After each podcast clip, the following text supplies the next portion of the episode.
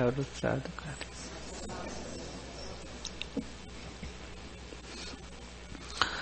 නමුතස්ස භගවතු වරාතු සම්මා සම්බුද්ධස්ස නමෝතස්ස භගවතු වරහතු සම්මා සම්බුද්ධස්ස නමෝතස්ස භගවතු වරහතු සම්මා සම්බුද්ධස්ස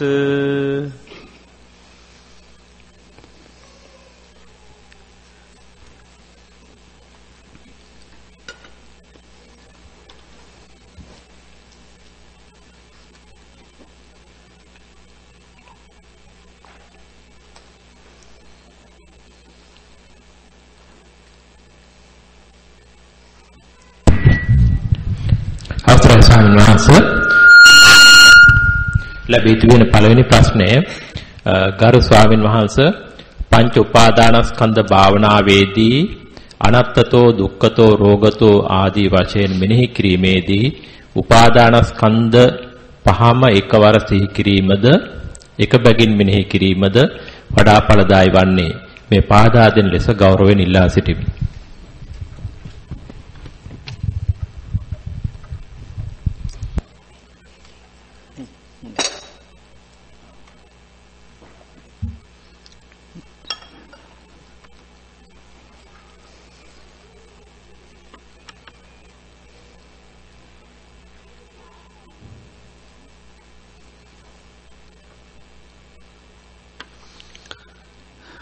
පංචුපාදාස්කන්ද පස්සනා කිරීමේදී මේ පහම එකට කරන්න පුළුවන් කැමතිනං එක එක අරගෙන එහෙම කරා කියලා වරදක් වෙන්නේ නැහැ. මේ රූපස්කන්දය අරං ඒකම මෙනෙහි කරන්න පුළුවන්. මේ රූපය කියන්නේ රෝගයක්. ඉතින් අර්ථය තමයි හොඳට රූපය කියනකොට මේ සතර මහා ධාතුන්ගෙන් හටගත්තු රූපය ඒ අර්ථය හොඳට සිතට ඇති කර ගණ්ඩෝනි තුට ඒ අනිත්‍යය කියල හෝ රෝගය යැකිනොට ඒක අර්ථය අනිත්‍යය නං අනිත්‍යයි කරන මේක වෙනස් වෙලා නැති වෙලා යන එකක් කියන අර්ථය ඇති කර ගණ්ඩෝනි රෝගතෝ කියනකොට රෝගයක් කියනකොට මේ රූපයේ තියනතා කල් විනවන්න තියෙන්නේ කියන අර්ථය ඇති කර ගණ්ඩෝ. ඒ විදියට රූපේම මේ ඒ විදියට වඩන්න පුළුවන්. අනික දැන් මේක එකොළ සාකාරයක් විතර තියෙනවා. ඒ ඔක්කෝම පිළිවල්ට වැඩුවෙනෑ කියලා ගැටලුවක් වෙන්න හැ තමන්ට හොඳට හිතට කාවදින හිතට මේ අර්ථය හොඳට තේරෙන කීපයක් අරගන භාවනා කරන්න පුළුවන්. මේ හොඳ ටර්ථ වැටහෙන සමහරව සමහල්ලාට නොහැට එන්න පුළන් ඒ වගේ දේවල් නැතුව මේ හොඳට අර්ථ වැටහෙන කීපයක් අරගෙන මේ වඩන්න පුළුවන් පහයක වැරත් පුළුවන් වෙන් වසයෙන් වඩන්නත් පුළන් රූපය වෙනම් වටනවා වේදනා වෙනම සංඥා වෙනම සංකාර වෙනම විඤ්ඥානය වෙනම. ඊළඟට පහම එකට අරගෙන පුළුවන් මේ පංචුපාදානස්කන්දය කියන්නේ රෝගයක් වගේ. මේක තියෙනතාකල් ආයමත් ශෝක පරිදේව දුක්දුම්නස් තමයි විඳින්න තියෙන්නේ. දැ රෝගයක් තියන තාකල් කාටවත් සැපයක් සනීපයක් නෑ විඳවිල්ලත් තමයි රෝගී තීර තාකල් තියෙන්. ඒ වගේ අර්ථයක් තමයි පංචපාදානස්කන්දය තියෙන්නේ. මත පංචපාදානස්කන්දය ආස්වාදයක් තියෙනවා ආදීනුව තියෙනවා. ආස්වාධීතාමත්ම ටිකයි ආදීනුව බහුල වැඩි. ඉති නිසා මේ බුදුරජාණන් වහන්සේකයි ඒ ආදීනුව ඉස්මතු කරලා බලාගන්න තමයි අර දන්නාදේක ස්වරූපයෙන් මෙතන රෝගයක් හැටියට ගඩුවත්වාලයක් හැටියට බලන්ඩ කියන්නේ නොහඳුනා දේවල් හඳුනාගන්න අපි සාමාන්‍ය ලෝකයේ නිතරම ආදේශනයක් කරනවා. එතොට ඒ වගේ හැටියට දකින එතෝට නොහඳුනාදේ හඳුනාගණ්ඩත් හැකියාව තියෙනවා. ඒ වගේ මෙතනත් ඒකයි. පංචපාදානස් කන්දය හඳුනාගනම තියෙන සැපක් හැටියටමයි. දුකක් හැටියට පොඩ්ඩක්වත් හඳුනාගෙන ඇවිත් නෑ එකයි මෙතන අන්න දුකක් හැටියට හඳුනාගන්න භාවනා වශයෙන් වඩන්නේ. රූපය කියන්නේ පවතින තාකල් විඳ වණ්ඩ තියෙන එකක් කියන සිහියනුවන උපදවාගන්නන්න අපිට මේ භාවනා කරන්න පුළුවන්. ඉතිං කැමිතිනං එක එක වඩන්නක් පුළුවන්. නැත්තං පහම වඩන්න පුළුවන් එකටම. රූපය රෝගයක් වේදනාවරෝගයක් හොඳට අර්ථය තමයි බොහොම හිමීට අර්ථය ඉස්මතු වෙන විදිට කරන්න ඕනි. ඒ අර්ථය තේරුම් යන්න යන්න තමයි මේ රූපය කියන්න මකද්ද කියන එක වැටහෙන්නේ. අත්තූප පරික්කත්තියා සති දම්මානන් නිජ්්‍යානක්කමන්ති අර්ථ විමසනකර තමයි ආන ධර්මී වැටහෙන්නේ තුර රූපය කියන එක වැටහෙන්නේ මකදද මේ රූපේ දුකක් කියන එක වැටහෙන්නේ. මේක තින තාකල් විඳවන්න කියල සිද්ධුවෙන් අර අර්ථය ස්මතු කරලා ගන්නකොට. නැත්තන් නිකම් පාඩමක් වගේ නිකම් කීවට මේ වෙන්න හොඳට අර්ථය මතු කරලා ගණ්ඩුවන්. එතකොට තමයි කලකිරීම ඇති වෙන්න මේක දුගක් නං අන්න නොවැලේ යුතු දෙයක් හැටියට ආන අවබෝධ කර ගන්න පුළුවන්.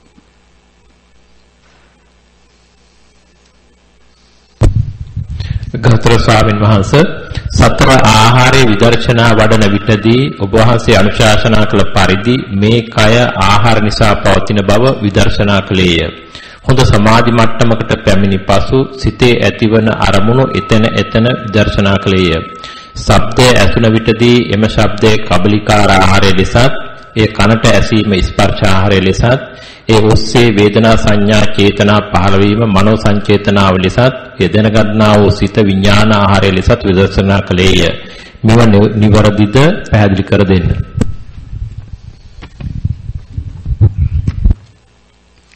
කබලින්කාර ආහාර කියන්නේ හොඳට තේරුම් ගන්න ඕනි සිහි පිටුව ගන්න ඕනි අපි කණබොන ආහාරවලට තමයි කබලින්කාරාහාර කියල කියන්නේ ඕලාරිකංවා සුකුමංවා කියනවා.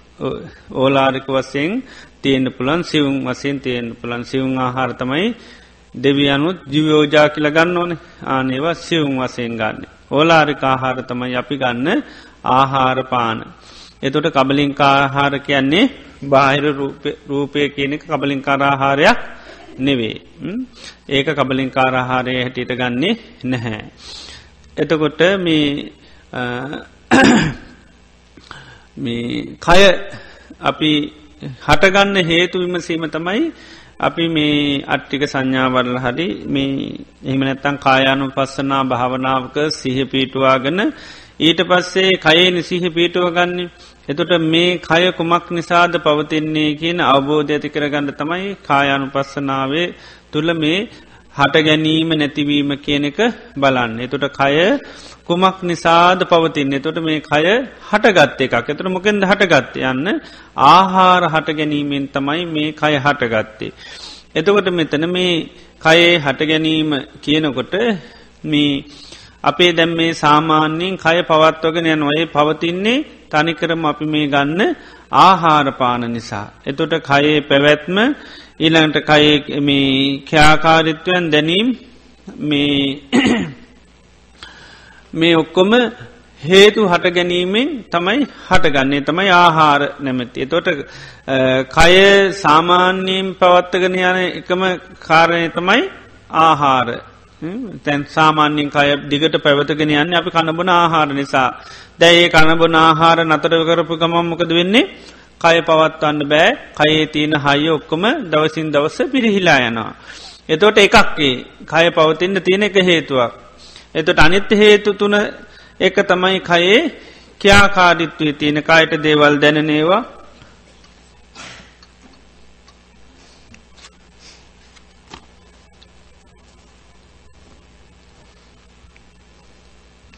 එතට කයේ ක්‍යාකාරිත්වයන් කයට දැනන ඒවර මනු සංචේතන පස්ස මනු සංචේතනා විඤ්ඥානකින ආහාරතුනත් එක තියෙන එක හොඳට අපි තේරුම් ගණ්ඩෝනේ කය හටගන්නවාකෙන අපි එක මේ භාවනා මනසිකාරයෙන් කරනකොට අපිට හොඳට තේරුම් ගණ්ඩෝනි මේ කයේ පැවැත්ම තියෙනෙ කබලින් කාරාහාර නිසා ඊළඟට කයට දෙයක් දැනෙනවනං ඒ දැනීම කියන එක හටගන්නේ ඉස්පර්ශය නිසා.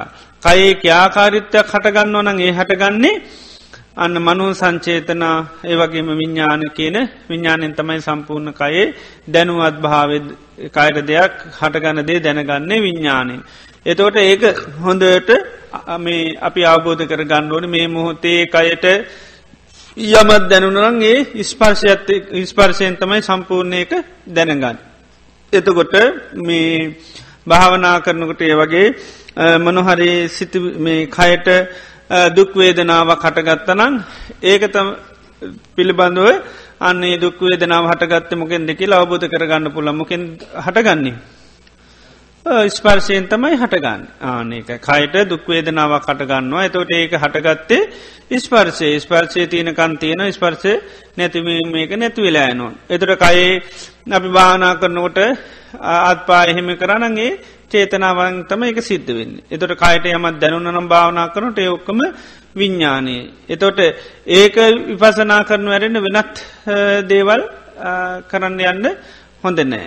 හිතේ නිසා මේ හොඳට බහා මේ අපි අවබෝධ කරගන්න ඕනි මේ මෙතන දැන් කයේ හේතුව බැලන්න ගියම් පස් ඒක බලනු හැරෙන්ඩ වෙනත් හේ දේවල්වලට මනසයවන්න හොඳ නෑමකද කෙරවරක් නැතුව ඉට පස්සේ එක දේවල් අපි කරන්න යනවා. හිත එනිසා හොඳට මේ භාවනා කරනකොට දැන් මේ කයේ හේතු විමසන ඕනන් ඒක තමයි දිගින් දිගට දිගින් දිගට දියුණු කරන්නඩොට මකද අපි හොඳට මතක තියාගණ්ඩොට මේ සිහිය නුවන උපදවා ගණ්ඩයි මේ කරන්න ඉතින් කාලයක් පුරුදු කරපහම තමයි සිහිය කියන අපිට පිහිටන්න. ඉතින් ඒ නිසා මේ අර විදිහට මේ ආහාර හට ගැනීම මේ අය හටගත්තේ කියන එක අර්ථය හොඳට අවබෝධ කර ගණ්ඩෝනි දැම් මේ පවතින කය මොකක් නිසා හටගෙන තියන්නේ. ඒත් ආහාර නිසා ඒ අතීතයේ ආහාර නිසා තමයි සකස් වෙච්චි දෙයක් ඒ අතීත අපි කබලින් ආහාර ගැනීම තුළත් අපිට භවය හැදුනා. අතීතයේ ස්පර්ශවීම තුළත්මක දුනේ භවය හැදුනා. අතීතයේ සංචේතන ඇත්වීමත් තුළමක දුනේ භවය හැතුන අතීතයේ විඤ්ඥානය පහලවීම තුළත් භවය හැදුනා. ඒකයි. බුදුරජාන් වහන්සේ පෙන්නවා මේ සතරාකාර ආහාරයට තන්නහාවෙන් බැඳල ඉන්නතා කල් භවය තමයි හැදෙන්නේ. ඉතින් භවය නිසා තමයි අපි ඉපදුන භවය සකස්තු හිද දැන් ඉපදුන. එතන මේ දැන්තින කය හටගත්තනං හටගෙන තියෙන ඔය ආහාර නිසා. දැන් කය පවතින්නෙත් ඔය ආහාර නිසා තමයි දැන් කය පැවත්වගෙන යන්න මේ ආහාරයන්ගේ උපකාරෙන් කබලින් ආහාරයෙන් තමයි මේ කය නොමැරී දිගට පවත්තගෙන යනවා. එක හේතුවක්. ඊළඟට කයට ඒ මොහොතේ හටගන්න දේවල් ඉස්පර්ශය මනෝ සංචේතන විඤ්ඥාන කියනකෙන් තමයි කයේ කියා කාරිත්‍යයක් හැටියට කය ක්‍රියාත්මක වෙනකොට හටගන්නේ ඒකයි. දැන් කය හැම්වෙලේම තියෙනකොට කයට දේවල් දැනෙනවාද. නෑ අර ස්පර්ශය කටගත් වෙලාගතමයි කයට වේදනාවත් දැනුනුත් දැනෙන්නේ නැත්තන් දැනෙන්නේ නැහැ.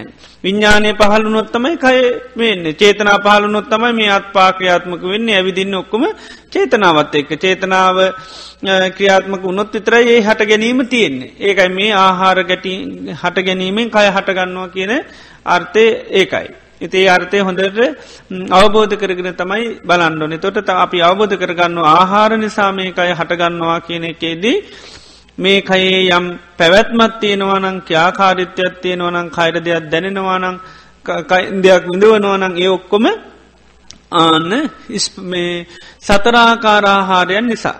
ඒකයි. කබලින් කාහාර පස්ස මනු සංචේතනා විඤ්ඥාන. එතොට මේ ඒ විදිහට තමයි බලන්ඩෝනිති මේ විදිහට අර අපට රූපයක් හටගන්නකට දැම් මේ කය කය කායනු පස් කය හටගත්තේ හැටින බලන්න. එතොට මේ මේ කනහටගත්තේ හැටි බලන එක නොවේ. සමස්ත සාමාන්‍යෙන් කය හැටියට තමයි මේක කරන්න. ඒ නිසා මේ ඒ භාවනා කරනකොට මේ වෙනත් දේකට ආය හැරෙන් නැතුව අර භාවනාවම දිගට කරගෙන යන්න.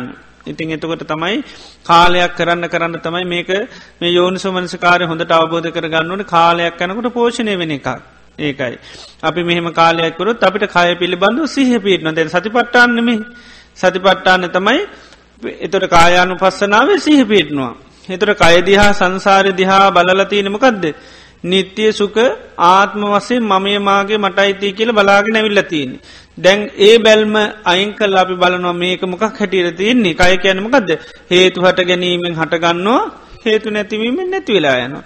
එතට හේතු බල දහමක් වසයෙන් කය බලන්න තමයි මේ කරන්න. එතවට අර අපිට කය පිළිබඳව අන්න සිහිය පීටනුව එක අයරකැන් අත්තිකායෝතිවා පනස්ස සති පච්චු පට්ටිතාහොති. එයාට අන්න කය පිළිබඳව සිහිය පීටනවා හේතු හට ගැනීමෙන් හටගන්න හේතු නැතිවීමෙන් නැතිවෙලා යන කයත්තියෙනවා කියලා.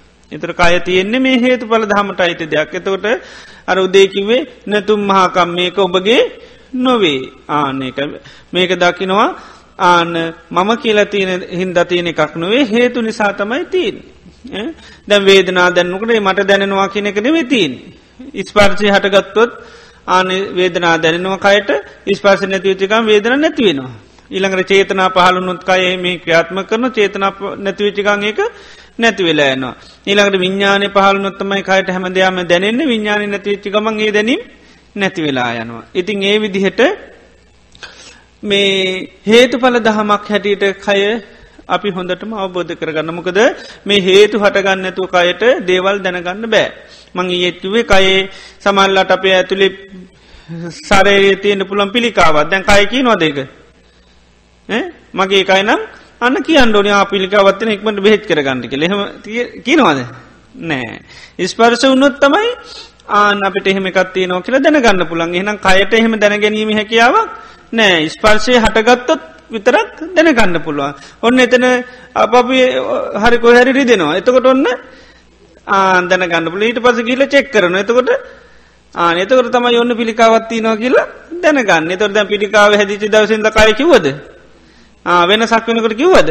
නෑ. ආනකයි ඉතින් ඒ නිසා මේ එතවට අපි අවබෝධ කරගන්න ඒකයි මේ කය කියන්නේ හේතු නිසා හටගන්න එක. එකයි ඔබගේ නොවේ කියන්නේ බුදුරන් වන්සේ කය අපේ කියන එක තිබුණන කය කිය නොයිරජුග මයි ස්පර්ශයනකං ඉන්න ඔන්නේ ආන එහෙම නෑ. අට ස්පර්ශය හටගත්තොත් කාට දෙයක් දැනෙන වැරෙන්ඩ එහෙම නෑ.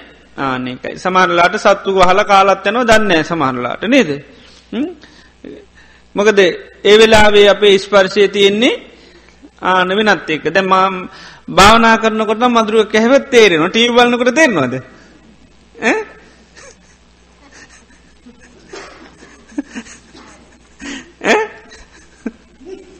මොකද? එතකට මොකද? ඇහැ ඇහැට තමයි ස්පර්ශ වෙලා තියෙන්නේ. ඇහේ ස්පර්ශය බලගතුයි. ඒ ස්පර්ශයට කැමති. ඒනි සමකද වෙන්නේ? අර ටීබල්නකොට එහෙම ස්පර්ශය බලගතු නිසා කයි මන්දුරුව කැවර දැන්න දැම් භාවනාවද මනසත්තය ඉස්පර්ශ කරාටමකද වෙන්නේ?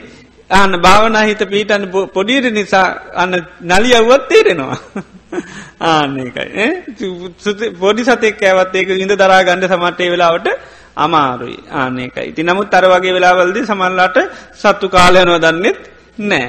එතොට මොකදේ අන්න අර ස්පර්ශය නොයදරින් සමක ස්පර්ශ වෙනවා වෙන එකක් එක පොබල ස්පර්ශයක් එක ආන පොබල ස්පර්ශයක් වෙනකොට අන්න කයිට පොඩි දෙන දැනෙන දේවල් දැනෙන්නේ නැහැ. ඉති තොට අපි දැනගණ්ඩෝන මේ ආහාර හට ගැනීම තුළුණුයි මේ අය හටගන්න කියන්නේ ඒකයි. කය ක්‍යාකාරිත්වයක් හැටිට හටගණඩනම් ආන්න එකයි ආහාර හට ගණ්ඩෝන ඒකයි.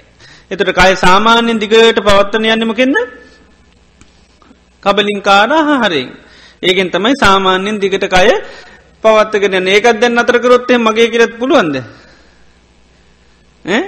ද මගේ කයි මං කණ්ඩ දෙන්න මොකරද කියලා. එහම පුළුවන්ද. බෑ. ආනකයිත හේතුව තිබුණොත් ඒක ක්‍රියාත්මක වෙන්නේ. එකයි හේතු නතරකරොත්තේම කයේ තියෙන ජවය කියන එක මොකද වෙන්නේ? දවසින් දවස දවසින් දවස අඩුවවී අඩුවවී යනවා. අන්තිමේට පවත් අන්ඩම් බැරි වෙන ආහාර නැතිවුණහම ආනක එතොට ඒක. හේතු නිසා පවතින එකක් මේක. ආනකයි හටගන්නකොට කය ක්‍යාකාරිත්වයක් ඇතට එතර අපි දැකගන්නවන අන්න මේ ස්පර්ශය නිසාතමයි මේක වෙන්න. ස්පර්ශ හටගත්තු තරගන්න ස්පර්ශ නැතිවීම නැතිවෙන. ඒදියට මේ කය ආහාර නිසා හටගන්නවා කියන කර්තය ඒකයි. කයේ පැවැත්ම ක්‍යාකාරිත්‍යයන් ඔක්කොම තියන්නේ ආහාර හට ගැනීමෙන් හටගන්නවා ආහාර නැතිවිච්චි ගාමකද වෙන්නේ. නැති වෙලා යන ද ස්පර්ශය නැතිවෙච්ච ගාන් කයට දැනුණු වේදන තිනොද. නෑ මාන නැති වෙලා යන ඉක්මනින්ම නැති වෙලා යනවා. එතොට ඉතින් සාාවක ඉතින් බල නොමේ ආහාර හට ගැනීම මේක හටගන්න ආහාර නැතිීමෙන් නැතිවල තොර දක්න මෙතන තියෙන්නේ තොරමක දනිත්‍යයයි. මෙතන තියෙන අනිත්‍ය ධර්මයක්. ඒ නිසා ඒ වගේම යමක් අනිත්‍යය නම් එතනමකත්තිය දුකක්. යමක් අනිත්‍යන දුකනම් මම මාගේ මට අයිති කියල පාලනය කිරීමේ අයිතියක් නෑ. එක යනිසි තෝච විරති කියන්නේ. කය හාතිය නැසුර අඩුවෙන මම කියල ගණඩ යන්නේ නැහැ. හොඳටම කාලයක් නවට වැටහෙන අවබෝධ වෙනවා. මෙතන තියෙන හේතු පල දහමක් මිසක් අන්න පාලනය කිරීම අයිතියක් නෑ. ඒකයි නතුම් මහකංකයන් ඔබගේ නොවේ. අනකෙකුගේත් නෙවේ. මේකමකදද ආන හේතු නිසා හටගත්ත එකක් කියන අවබෝධය නවා.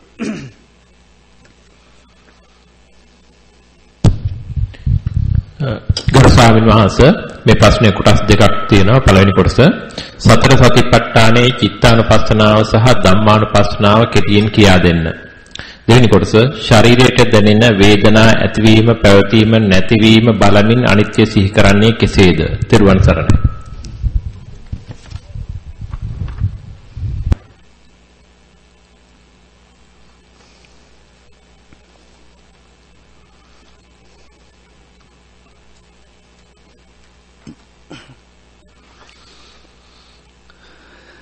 චිත්තානු පස්සනාවේදී බුදුරජාණන් වහන්සේ පෙන්වා දැන් අපේ හිතට විවිධාකාර චිත්ත ස්වරූපයන් ගෙනවා ඒ තමයි රාගසිත් දවේශසිත් මෝහසිත්. ඊළඟට හොඳ සිත්තෙනවා අදෝෂ අලෝ බදෝෂ අමොහ. මේ වගේ සිතිවිලි ආපුහාම ඒ සිතිවිලි හඳුනාගන්න කියනවා. කැනේ පිළිබඳව සීහ පීටෝ ගන්න කියෙන සරාගංමා චිත්තං සරාගංචිත්තන්ති පජානාති. රාගසිතක් නං රාගසිතක් කියලා දැනගණ්ඩ කියනවා. දැන් එතකොට කෙනෙකුට ඒවිදිේ රාගසිතක් එනකොට රාගසිතක් හැටිට දැනගන්න පුළුවන් වෙන්නේ රාගය කියන එක ස්වභාවය හඳුනාගෙන තිබුණාම. නැත්තං රාගසිතක් කාපුවාම ඒ දැනගන්න ඒ දැනගන්නමක් කැටිද පාවිච්චි කරන්න ඕනිකක් ඇට ඉතින් පාවිච්චි කරලමකද කරන්නේ? අතඇරල දාන ඉතිං දැන් සිහ පිහිටුවාන ගන්න ගැනීමේදි කරන්නමකක්ද රාගසිතක් අහපුවා මේක ස්වභාවය අන්න සරාගංවා චිත්තන් සරාගං චිත්තන්ත පජානාති සදෝ සංවා චිත්තන් සදෝ සංචිත්තන්ත පජානාති. රාගසිතන්න රාගසිතක් හැටියට දේශසිතන්න දේශසිතක් හැටියට අන්න හඳුනාගන්න පුළුවන්. එතට කල් ඇතුව මොකක්ද කරලා තියෙන් දෝනි. මේ රාග දේශවල තියෙන ආදීනුව සීකරලා ඒක තියෙන ස්වභාවය හඳුනාගෙන තියෙන තොට තමයි සිහ පිහිටන්. එතොට තම අපිට සිහ පිටුව ගන්න පුළුවන් හිතට සිතිවිල්ලක් කාපුහාම ආනයක කුමක්ද කියලා. නැත්තං අපිට මේ හඳුනාගන්න බැරි වෙනවා. ඉතින් ඒ නිසා කල්ලතුව කරලා තිබ්බහම සාමාන්‍යයෙන් වෙලාවක හිතට අවස් සිතිවිල්ලක් එතකොට හඳුන ගන්න පුළුවන් ඉති භාවනා කරනකොට ඔන්නන් සිත දිහා බලානන්න පුළන් එතකොට සිතිවිල්ලක් සිතට එනකොට ඒ සිහ පීටවාගෙන ඉන්නකොට ඔන්න හඳුන ගන්න පුළන් ඔන්න දැන් හිතට රාග සිතක්කාව ඊට පස්සෙ කරන්න ඕනි ඒක ආන්න ඒක දැන් චිත්තානු පස්සනාවකෙන් ඒක තියෙන ස්වභාව හඳුනාගන්න තමයි කරන්න. එතේ තොට ඒ හටගත්ත සිත අන්න හඳුනාගන්නවා. හඳුනාගෙන මේ ඒක තියෙන ආදීනුව සී කරන්නඩුන්.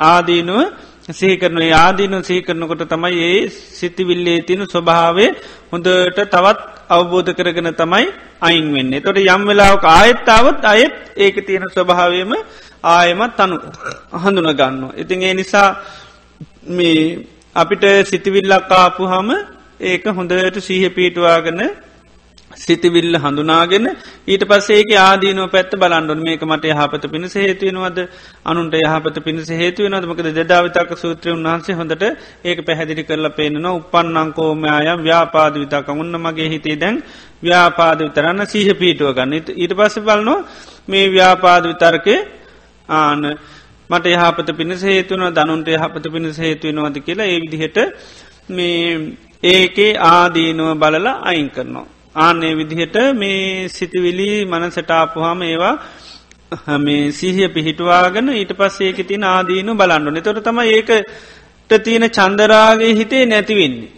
දැන් කැමැත්ත නිසාන සිතිවිලියෙන්නේ චන්ද මූලකා සබ්බේ දම හැම දේකම මුල කැමැත්ත කියනවා. ඉතින් අභ්‍යහන්තරිකව සිතේ මේ කෙලෙස්වලට ආස්වාද වසයෙන් තමයි දැකලති ඒ නිසා තමයි අපේ හිතේ වතාම තිීන් ඉති අපිට ඒ කැමැත්ත නැතිවෙන්න නමකත කරන්න ඕනි? ආදීනු බලන්ඩෝනි සිටිවිලේ ආදීන බැලූහම තමයි කැමැත් අඩුවෙන්. ඉති ඒ කැමැත්ත නැති කරගන්න ඒ සිති විලි පිළිබඳව අන්න ආදීනුවම සිහි කරන්නට ඕනේ. තොට ආදීනු සිහි කරන්න සේකන්න තවතවත් බලගතු ලෙස සිහ පීටනවා සිහ පීටන් පීටන් ආයමත්තේ සිතිවිලියනකොට හඳුනගන්න පුළුවන්. හඳුනාගෙන ආයමත් ආදීනු සීකරන් සේකන්න තවත් සීය පීටනවා ඒකයි මේකේ යාවදේව ඥානමත්තාය පතිසතිමත්තාය කැන තවතවත් බලගතු ලෙස සිහියම තමයි වැඩිදිවුණු වෙන්නේ. එතේ නිසා සිතිවිලි ආපුහා මේ විදිහට මේ ඒව හඳුනාගෙන ආදීනුව බලන්න පුළුවන්. ඊට පස්සේ සිතේම හොඳට සිය පීටවාගෙන ඉනුරස් දැන් සිත කියන්නේ කුමක් නිසාද හටගන්න කියලා බලන්න පුළ එක තමයි සතිපට්ටානයේති පෙන්න්න විපස්සනා වැටිට සමුදය දම්මානු පත්්‍රීවා චිත්තස්මින් විහෙරති වය දම්මානු පස්සීවා චිත්තස්මින්සින් සිත හට ගැනීම බලමින් වාසය කරනවා නැතිවීම බලමින් වාසය කරනවා. එතුර සිත හටගන්නේ මොක හට ගැනීමෙන්ද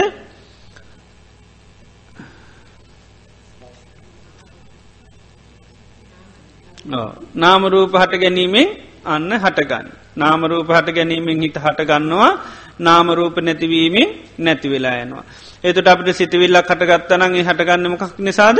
එතන තියෙන නාමරූප ඒකයි. අපිට පටික සිත්තයක් හටගත්තන එතන තියෙන්නේ නාමරූප ධර්ම තමයි තියන්නේ. විග්‍රහ කල බැලුවත් එතන තියෙන්නේ සත්‍රමහාධාතුන්ගෙන් හටගත්ත දෙයක් සහ වේදනාවක් සංඥාවත් චේතනාවත් ඉස්පර්ශයක් සහ මනසිකාර කියන මේව තමයි තියන්නේ. ඒක සිතිවිල්ලක් පවත්වනුව කියලක් පවත්තන්නේ නාමරූප ධර්ම. එතොට මේ අර සිතේ හටගැනීම බලමික මේ සිතට දැම් මේ සිතිවිලියාවනගේ සිතිවිලි හටගන්න මේ නාමරූප හට ගැනීමෙන් තමයි හටගන්නේ. නාමරූප නැතිවීම මේ සිතිවිලි නැති වෙලා යනවා. එතෝට එයා මේ දිගටම බලනො මේ නාමරූප හට ගැනීමනේ සිත හටගන්න නාමරූප නැතිවීමෙන් නැති වෙලා යනවා. ඒ විදිට සිත දිහා එයා විපසනා කරන්න කරන්න යට අන්න සිහිය පිහිට නොමකක්ද අත්ති චිත්තන්තිවා පනස්ස සතිපච්ච පට්ටිතා හෝති. මේ නාමරූප හට ගැනීමෙන් හටගන්න නාමරූපෙන් නැතිවෙලා නැතිවීමෙන් නැතිවෙන සිතක් පවතිනවා කියන සීහ පිහිටනවා. එතොට තමයි යාවදේව ඥාන මත්තාය තවදුරටත් ඥානය ලැබීම ඊළඟට පතිසතිමත්තාය සිහ ලැබීම පිරිස අනිසිතෝජ විහෙරති අන්න චිතහා සම්බන්ධව මමේමාගේ මට අයිතියකි ලැසුර අඩුවේ නොමක දෙයාට සිත කියනකොටම සිහ පිටනමකක්ද නාමරූප හටගත්තොත් මේ හිත හටගන්න නාමරූප නැතිවීමෙන් සිත නැතිවෙල යනවා. නාමරූප හටගත්තොත් විතරයි සිතක් හටගන්න. නාමරූප නැතිවිතියන් ඒ හිත නැතිවෙලා යනවා. එති ඒ නිසා මේ සිතිවිලි පිළිබඳව සිත පිළිබඳව විදිහට යාට අවබෝධ කරගන්න පුළුවන්. ඒක එතොට සිත පිළිබඳව අර තන්නාවසේ මන්න වසින් දිට්ටි වසයෙන් හිතට බැඳින් නැතුව වාසය කරන්න පුළ එකන්නත කිංචි ලෝක උපාධ ඇති. මේ සිත හා සඳු කිසිම අල්ලා ගැනීමක්කට පත්නොවී වාසය කරන්න හැකියාව තියෙනවා. ඉළඟට දම්මානු පස්සනාවේදී කරන්නේ විවිධාකාර සිතට එන ධර්මතා පිළිබඳව විපසනා කරන එකක් තමයි පංච නීවරණ පිළිබඳව පුළුවන් සත්ත බොජ්ජංග පිළිබඳව පුළුවන් ඊළඟට සලායතන පිළිබඳව කරන්න පුළුවන්. සලායතන කරනකට බුදුරජාන් වන්ස පෙන්න්නන්නේ චක්කුංච පජානාති රූපේච පජානාති යංච තදපයම් පටිච්ච උපද්ජති සංයෝජනං චංච පජානාති යචාච උපන්නස්ස සංයෝජනස්ස පහන් පහි යතාච අනුපන්නස සංයෝජනස් උපාදෝ හෝති තංච පජානාති. යතාච උපන්නස සංයෝජනස්ස පහනං හෝති තංච පජානාති. යතාච පහීනස්ස සංයෝජනස්ස ආයතින් අනුපාදෝ හෝති තංච පජානාති. තොට චක්කුංච පජානාති කැන ඇහැ කියන එක ආන දැනගන්න. දැනගන්න කරමකද ඇහැ අනිත්‍යයි කියලයා අවබෝධ කරගන්න ඕන්න චක්කුංච පජානාති රූපේච පජානාද රූපේත් ආනය අවබෝධ කරගන්න රූපයමකක්ද ඒකත් අනිත්‍යයයි. යන්ත චදුපයම් පටිච උපද්ජති සංයෝජනම් මේ දෙක නිසායම් සංයෝජනයක් හටගත්තනම් තංච පජානාත් ඒකත් ආනනිත්‍යයි කියල දැනගන්නවා. යතා චනුපන්නස සංයෝජ නූපන් සංයෝජනයක් හටගත්තනම් ආනයා ඒ පිළිබඳව දන්නවා මට අන්නූපන් සංයෝජනය දැන් හටගත්තා. ඊළඟට උපන් සංයෝජනයා වීරිය කල්ලෙ අයින් කරන අයිංකරට පස්සේ එයා දන්නවා ඒක ආන අයින් වුණා. අයින් වුණා වූ සංයෝජනය කායදාපත් උපදින්නේ කියලත් එයා දන්න මොකද හේතුවට ගැනීමෙන් එක හටගත්තේ හේතු නැතිවීමෙන් එක නැති වෙලා ගිය. ඒ විදිහටන්න චිත්තානු පස්සනාව දම්මානු පස්සනාව ආයතන ඔස්සේ වඩන්න පුළුවන් පංචුපාදානස්කන්ද වස්සයෙන් වඩන්න හැකියාව තියෙනවා. එතිේව දීර්ග එකක් එකක් ගාන කියන්න ගොත් ගොඩක් දීර්ගව කියන්නුනු. ගරු ස්වාමීන් වහන්ස මේ ප්‍රශ්නෙට කොටස් දෙකක් තියෙනවා. අද උදෑසන ඔබ වහන්සේ මේ මෙහෙවන ලද භාවනා වැඩසටහනේදී මල් සුවඳක් තදින් දැනුණා. එවිට එය පටිච්ච සමුප්පාදයට සම්බන්ධ කරගන්නේ කෙසේද? දෙවෙනි කොටස ડિප්‍රෙෂන් වැනි මානසික රෝගවලට ඇන්ටි ડિප්‍රෙෂන් පෙති වලින් සනීප වෙනවා. භාවනාවෙන් වැඩි වෙන්න ඉඩ ඇතැයි අය සිතනවා. ධර්මයට අනුව මීට පිළිතුරු කුමක්දයි පහදා දෙනමින් ගෞරවයෙන් ඉල්ලමි.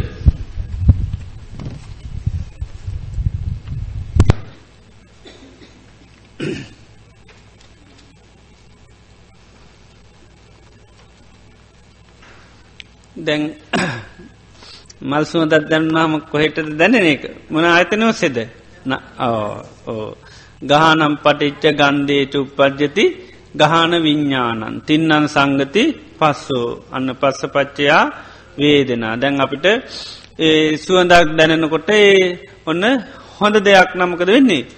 ආන්න හිතේ කැමැත්තක් ඇතිවෙන ගඳක් දැනුණු ගමන් ඕ එතට අපිට දැන් මේ ඒ ගඳ සුවන්ද මේ නිතරම අපිට අහුවෙන තැනමකක්ද මේ වේදනාව තුළ තමයි ආන වේදනාවෙන් තම අපිට අහුවෙන් වේදනාවක් හිතට ඇතිවෙනකොට එක දුක්වේදනාවක් හට සැපවේදන එතට තමයි දැනෙන තැන නිතරම. එතොට අපිට පුළුවම් අන්න දැම්මට මේ සුවන්ද පිළිබඳව ආන සැපවේදනාවක් හටගත්තා. දැන් සුවන්දත් දැනෙනවා. දැන් ඒකත් එක හිත ඇලෙනවාද නැද්ද කියල බලන්න පුළො. එතට හිතේ ආන්න දැන් කැමැත්තත්ති නොමකද ඒ සුවන්ද කියන්නේ දුක්වේදනාවද සැපවේදනාවද්ද. සැපවේදනාවක්. ඔන්න දැම්මගේ නාසේට දැන් මොකද සැපවේදනාවක් හටගත්තාකින් පටිච්ච මොකක් නිසාද. අන්න පස්ස පටිච්ච ඉස්පර්ශය නිසා. එතටමකද ඉස්පර්ශය කියන්නේ නාසයයි ආන සුවඳයි ආන්න විඤ්ඥානය මේ තුනේ එකතුව. එතොට නාසය කියන්නෙත් මකදද අනිච්චේ ධර්මයක්. මොකද නාසේ හටගන්නේ නාමරූප හටගත්තොත් පමණයි. ඊළඟට ඕ නාසේට දැනෙන ගඳ සුවඳත් ඕ ඒකත් අනිත ඒත් නාමරූ පටුගත්තොත්තම ඒත් හටගන්න. ඊළඟට විඤ්ඥානයත් අනිත විඤ්ඥාන හටගන්න මොන හටගත්තුද්ද ඒත් නාමරූප හටගත්තොත්. එතොට මේ නාසයත් අනිත්‍යය නං සුවඳත් අනිත්‍යය නං ඊළඟට විඤ්ඥානයත් අනිත්‍යය නං ඒ නිසා හටගත්ත මේ සැපවේදනාව ආන්න මේ සුවන්ද කියන එක අනිත්‍යයයි කියල දකින්න පුළුවන්. මේ නාසයට හටගත්ත මේ සුවඳ කියන්නේ අනිත්‍යයමකද මේක හේතු හට ගැනීමෙන් හටගන්නවා හේතු නැතිවීමෙන් නැති වෙලා යනවා. ඉතින් මෙතන පටිච සම්පාද ධර්මයක් තමයි තියෙන්නේ. තවත් ඕ නම් පුළුවන් නාසේට සුවන්දක් ඇතුනාම බලන්න පුළුවන් කුමක් නිසාධරගත් ස්පර්ශය නිසා. ස්පර්ශයට ගත්තකමන් නිසාද? සලායතන නිසා. සලායතනකුමන් නිසාද? නාමරූප නිසා. නාමරූපකුමත්ද විඤ්ඥානමක සංස්කාර සඟ අවිද්‍යාපච්චය. එතොට හිතේ අවිද්‍යාවත් තිනහින්ද තමයි මේ වේදනාවක් හටගන්නකොටම දැන්ඒ සැපවේදනාවක් ආන්නේක වෙනස් වෙලා යන උනාට එක හිතේ යන්න අවිද්‍යාව නිසා මේක ඇත්ත ස්වභාව අපිට හඳුනගන්න බැරිවුණ හිත බැදුන එකයි. ඉති ඒ නිසා පඩි සම්පාද වසයෙන් ඔන් දිගටම බලානයන්ට පුළ නැත්තං මේ පඩි සම්පාද මේ මූලික කොටස්ටික බලන්න පුළුවන්. මේ ස්පර්ශය හට ගැනීමෙන් තමයි මේ වේදනාව හටගත්ත. ස්පර්ශය නැතිවීමෙන් නැතිවෙලා යනවා. මේ අපි ඊය පෙන්වේ අර ගහය උපමාව.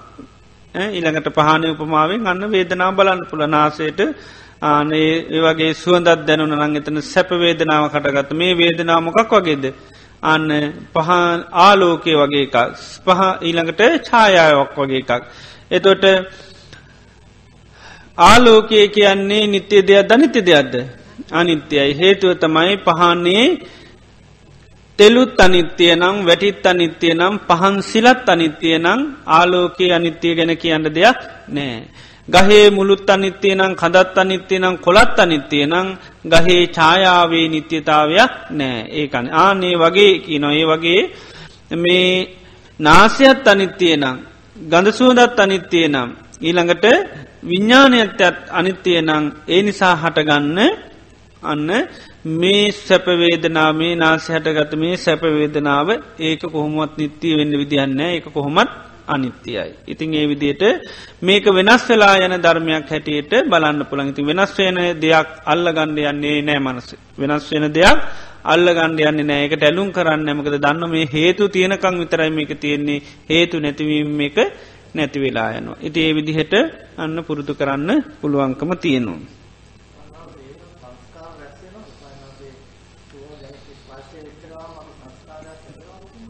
මෙහෙමයි. දැන් අපිට ගොඩාත්දුරට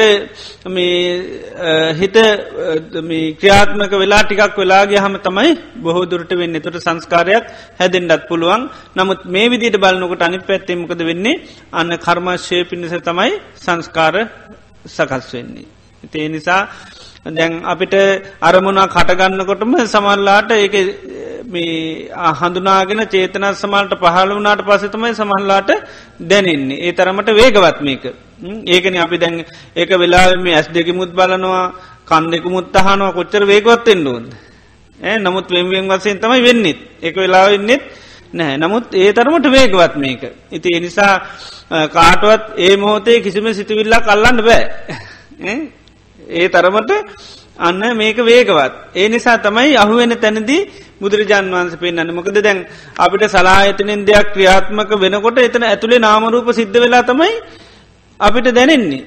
ඒකයි නාමරූප ක්‍රියාත්මක වුණාට පස් එතන වේදනත් වෙලා සංඥාත් වෙලා චේතනා මනසිකර ඔක්කමත් වෙලා තමයි ආන්න අපිට දැනෙන්න තැන.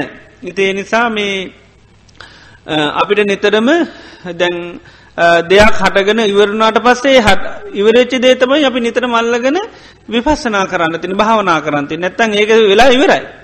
වෙලා ඉවරයි. නමුත් ඒ වෙච්චි දේ තම ඊට පස්ස අපි බලන්න මොකක්ද මේ උනේ කියලා. ඒ වෙච්චි දේ පිළිබඳව අන්න නොමැදී කලකිරනකොට ඒ අවබෝධ කරගන ඊළඟ අවස්ථාවලදි තමයි අන්න ඒක තවත් දුරට අපිට අවබෝධ කරග නැතිවෙන්ති නතොට මේවාය පිළිබඳව අර තන්නහාව තමයි අපි නැති කරගන්න. මේවට අපේ හිත බැඳිල තින බැඳීම නැතිවන මේ විදිහටර ආදීනුව බලලා ඒකෙන් මේ ආදින බලන්න බලන්න අර චන්දරාගී කෙනෙක අඩුවෙනවා. නැත්තං සිතවිල් මේ ආයතනයක්කින් ක්‍රියාත්ම කරනු ඒක ක්‍රියාත්මක වෙලා ගොඩක් වෙලා උනාට පස තම අපිට දැනන්නේ. ඉතින් දැනිච්චි දෙයක් කල්ලගෙන තම අපි භාවනානිවාරය කරන්නේ. එහෙම නැතුව මේ කරන්න කාටුවක් බෑ මොකද ඒ තරමට වේගවත්ත දේවල් සිද්ධ වෙලා ඉවරයි. නමුත් ඒ අපි ඒ වෙන සිද්ධිය මේ මේ නිසා උනේ කියල පසුව අන්න තේරුම් ගණ්ඩ අර ඒකයි ඒ විමසලා එක දෙයක් ආල්ලගෙන අන්න වේදනාවක් කටගත්තන මට දැම් වේදනාවක් කටගත්ත මොකක් නිසා හටගත් එතුර මොකක් නිසා හටගත්තනක ද හටගෙන විරච්චි ගත්තම බලන්න එතකොට. එතොට අන්න ඒ තමයි ස්පර්ශය නිසා හටගත්තේ තොට ඒ විදියට මේ ඊළඟට ක්‍රියාත්මක මිකැන ඒ විදියට විමසල බලන්න පුළුවන්. ඉති මකදද? සමාල්ලට කර්ම වෙන්න පුල එකයි මංකවේ දැ මේ සිද්ධියක් වුණට පසතම අපිට හඳුනගෙන සමාල්ලාට ටිකක් වෙලා යනකට තමයි වේදනාව දැඩි වේදනකට සමහට තේරෙනවා. හිතට යමක් වුණා කියල. තොට සමහන්ට ඔන්න භාවනා කරලා තියෙනකනට පොඩ්ඩක් දැනෙනවා. දැම්මගේ හිතට මේ ආයතන ඔස්සේ දැන් මේ දුක් වේදනාව කටගත්ත කියලා තේරෙනවා. තොට සමට ඔන්න වේදනාවෙන් අහුනාරන් වේදනා පිළිබඳු සිහි පිටවාගෙන ඊට පස්සරය හටගත්ත ඒ දුක්වේදනාව ඊට පස් එතම විමසා බල නතොට සිද්ධිය වෙලා ඉවරයි. වෙලා ඉවර එතට සමට කර්මීකුත්තයට හැදිල ඉවරෙන්න්න පුළුවන්. ඇති මොකද ඒ තරම් සිවුම එක ෂනීක වෙනවා. මේ එකක් එකක් පස්සේ අපට පෙන්නුවාට එක ෂනීක ඒ අයිවර හඳුනාගෙනත් ඉවර චේතනා පාල කරලත් ඉවරයි. ඉතින් මේ අවබෝධ කර ගණඩ තම අපිට එකින්න එක එකන්න එක මේ පෙන්න්නන්නේ.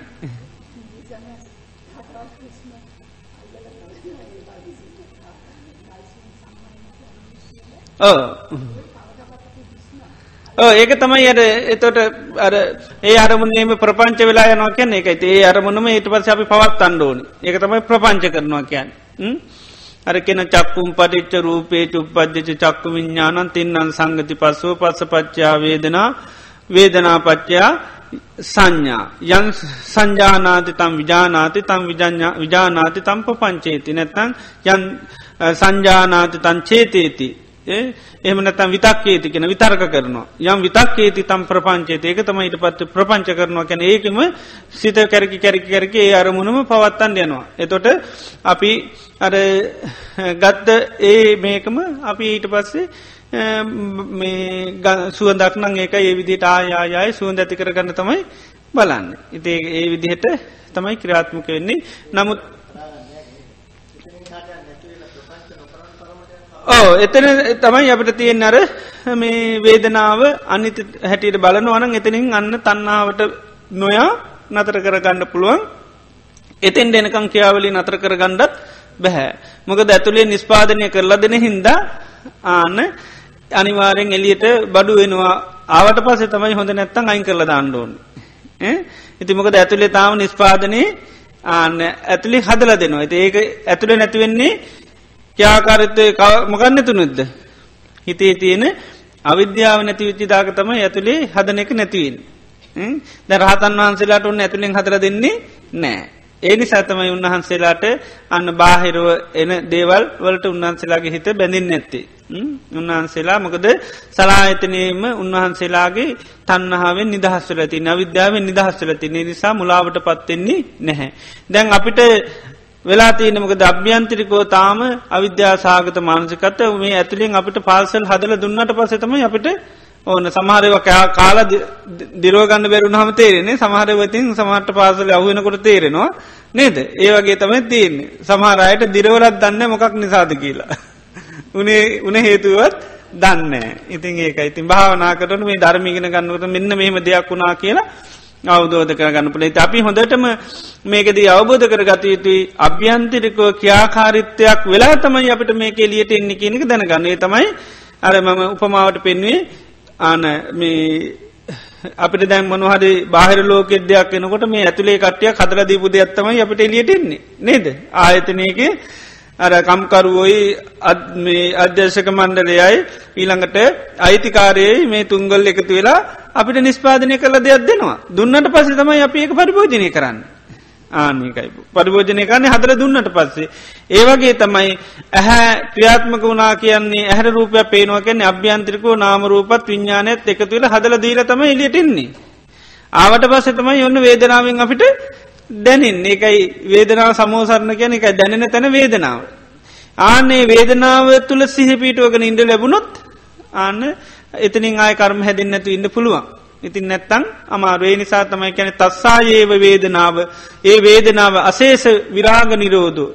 ඉතිරියක් නැතුව නුවැලි ඉන්න පුළුවන් නං අන්න මේ මේ වේදනාප නිසා තන්නාව හැට ගැනීමක් උපාදානවීමක් භවය හැදීමක් නැහැ. ඉතිේ නිසා මේ අභ්‍යන්තිරිකව අපිට මේ ඇහැට රූපයක් පේනකොට මේ හදලදීලා දීපු දෙයක්ත්තමයි අපිට අන්න අපි වේදනාවෙන් ආනඒක පරිභෝජනය කරන්න. වේදනාව තුළ දැනනවා ඊට පස්ස තමයි එතිරින් එහට ආයායායි ඉත්‍රිකියාවලියන් කරන්න. ඉතිේ නිසා මේ ඇහැට මේ ඉන්ද්‍රියන්ට දෙයක් ගෝචර වෙනකොට අරමුණු වෙනකොට අපි දැනගණ්ඩුන් මේ අභ්‍යන්තරිකෝ තියන නාමරූපත් විඤ්ඥානයන්ගේ එකතුව නිසා දැන් දෙයක් කටගත්ත හැබැයි අපි දන්නවා අභ්‍යන්තරිකෝ තින නාමරූප ධර්මත් අනිත්‍යය විඤ්ඥානයත් ඇන තේ නිසාහටගත්ත ආන මේ සලායතන ඔස්සේ හටගත්තදේ අන්න නිත්‍ය වෙන්න විදිහ නෑ එකත් අනිත්‍යයි. එනිසා නාම රූප නිතර මනිත්‍ය හැටිට අවබෝධ කරගත්තා මේකයි ඇහැට යම පෙවුනානම් ඒ නාම රූප නිසා එන නාම රූප අනිත්‍යය නම් මේ පෙනිච්චියකත් අනිත්‍යයි. ඒ විදිට තමයි අපට අවබෝධ කරගණ්ඩ තියෙන්නේ. ඇස ක්‍රියාත්මක වෙන නං එතන අප වෙන ගණ්ඩෝනි නාමරූප තමයි ක්‍රියාත්මක වෙලා තියෙන්නේ. ඉතේ නාමරූප හටගත්ත වෙලාගතම ඇස හටගන්න දැන් හැස හැම වෙලේම තිබට තියෙන හද පේනවදේව. නෑ ඒකයි කනත් එහෙමයි නාසයත් එහෙම දිවත් එහෙමයි ශරීරයත් එහෙමයි. ඒකට අන නාමරූප ධර්මයක් එකතු වෙච්චි තැන තමයි අන්න ක්‍රියාත්මක භාවය තින එකයි නාමරූප හටගත්තු ඇත හටගන්නවා කියන්නේ ඒකයි. ඒකයි ඇස කියාකාරිත්වයක් හැටියට අර අපි ඉස්සල්ල කිව් එකමයි කය හටගන්නේ ආහාර හට ගැනීමෙන් වගේ තමයි ඇස හටගන්නෙත් ආහාරහින්ද කියන්න. එකට නාමරූප නිසා තමයි ආන්න හටගන්න.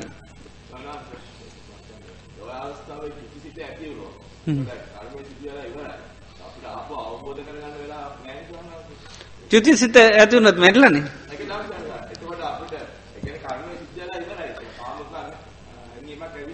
එතැට මෙහම චුතිසිත කියල කියන්නේ එතන චුතිසිත නෙවේ මේ නාමරූපයන්ගේ නිරෝධය නිසා හටගත්ත සිතිවිල්ල නැතිවෙලායන ඒක සිතිවිල්ල කටගත්තනං ඒක ආයතනයන්ගෙන් දෙයක් ඇටකතේ නාමරූප නැතිවීමෙන්තමයි නැතිවෙන්නේ චුතිසිත කියල කියන්නේ එකට නාමකද සලාහත නිරෝධ වෙන්න මොක නිරුද්ධවීමෙන්ද. නාමරූප නිරුද්ධවීමෙන් තමයි නිරුද්ධ වෙන්නේ. නාමරූප හට ගැනීමෙන් හටගන්නවා නාමරූප නැතිවීමෙන් නැතිවෙලා යනවා. ඒ විදිර තමයි බලන්නුවන්. එතොට අපිට මේ අර එදාපී සූත්‍රයක් කතා කරේ මකදද විතර්ක නේද? මේ පුරුෂයාට සංකල්ප විතරක හටගන්නේ මොකෙන්ද කියල්. එතොටමකක්ද නාමරූපාරම්මන අන්න නාමරූප හට ගැනීමෙන් තමයි හටගන්නේ. එකැන් නාමරූ පරමුණු කරගෙන. ඒක හට ගැනීම තියෙන පස්සේ තුළ එතර පස්ස වෙන්න මනවද? සලායතනයි ඊළඟට ආධ්‍යාත්මික බාහිර සලායත් ආධ්‍යාත්මික බාහිර ආයතන සහ විඤ්ඥානය. එතට ඒ තුනේ තියෙනකන් තමයි අපිට පස්ස වෙලා වේදනා වෙලා චේතනා පහළ වෙලා කර්මයක් හැදීට හැදින් ඒකයි. ඉතිං අර සමහර වෙලාවල්දි මේක අපිට දැනෙන්නේ සමාරලාට කර්මයකුත් හැදුනට පස වෙන්න පුළුව ඒකයි. ඒ වුණට අපිට ඊට පස්සේ එතරෙදිදී අපිට මේ මගදි හරි දැනිල්ල මේ කරොත් විපසනා කරොත් එතනදී ඉඳලා අය අපිට කුසල්තම ඇතිවෙන රහත්වෙන්ඩත් පුලන් සමාට හරියට අවබෝධ කර ගත්තත් කෙනෙකුට රහත්වෙන්ඩත් පුළුවන්. අර එදා කතාවදකිව අර සාමන්හන්ස නමක් දැන් අමසෝන්ට ගිල්ල අර ශරීරය අධ්‍යා බලන දැන් රාග ගොඩක් ඇතුවනට පසේ තොට ඒකින් කරම හැදිලන්නේ රාග ඇති වුණා කියන්නේ ඒ ඔස්සේ ආනෙකයි කර්ම සකස් වෙලා. ඇබැයි ඊට පස්සේ තේරුණටික වෙලාවක් යනකොට. එතනිදි යන්න සිය පීටුවාගෙන භාවනා කරා පැය භාගයක් වගේ කාලතුළ රහත් වුණා ආනකයි. තිය නිසා මේ ආය ආයතනොස්සේ දේවල් ක්‍රියාත්මක වෙනකට සමාට කර්ම හැදිලා ඉවරෙන්ට පුළුවන් නමුත් දැනෙන්නේ කොතනද තේරෙන්නේ කොතන එතනදී සහිපීටවාගෙන මේව කරන්න නිසා රාහුල සයින්නතරත් කියන්නේ කර්ම සමල්ලාට කායකර්ම කරන වෙලා මතක් වෙන්න පුළුවන් කියනවා. සමල්ලාට කරන්න ඉස්සල්ල මතක් වන්න පුලන් කරන්න යන්න මොකක්ද කියෙන නමුත් කරන වෙලාව සමහල්ලට සමහල්ලට ඊට පස්සේ කරලත් තවසං වනාට පස්සේ තමයි තේරෙන් හැබැයි ඒ වෙලාවෙත් කිය ඒක ආදීනු බලන්න කියනවා. මං මේ වෙලාවේ කාය කර්මයක් කරා මේ කුසලයක්ද කුසල ඇද කියල විමසල මේ අකුසලයක් මට දුක්විපාක හදර දෙන දෙයක් මට යනුන්ට යහයාපත පිණිසමයි හේතුවෙන්නේ කියලා ආදීනුව බලලා ආය වගේ කායකර්මයන් නොකරන්න අධිෂ්ඨාන කරගන්න කියන. ආයනම් මම මේ වගේ වැරද්දක් කරන්නේ නෑකිල. තොට ඒක කර්මත් කරගෙන ඉවරල තමයි ආන අර විපක්ෂනා වසයෙන් කරන්නේ එක ඒක හඳුනගන්න. ඉතින් එහෙම හරි කමන්නේ කරනවන එතෝට මොකද වෙන්නේ කාලයක් යනකොට අපිට හඳුනාගන්නීම කරන්න පුළුවන් ඒ වෙලා අපි පසු තැව නොත්මකද වෙන්නේ අර කරගත්ත කර්මය තවත් සමහට ආන වැඩිවීමක් තමයි වෙන්නේ අඩු වෙන්නේ නෑ. ඉතිේ නිසා මේ මේ ආයතනයන් ක්‍රියාත්මක වෙනකොට අපි හඳුන ගන්නවන එකයි මේ අභ්‍යන්ත්‍රිකව මේ නාමරූප නිසා අමි හටගත් එකක්. ඇති නාමරූප තියනකම් මේක තියේ නාමරූප නැතිවීම නැති වෙලා. ති අපිට දැ වේදනාව තුළින් අපට දැනනම් එතන දී සිහපට නැතන් සිතිවිල්ලක දී හඳුනාගත්තන එතන දී හෝ ආන්න මේ පස්සනා කරලා බලන්න පුළුවන්.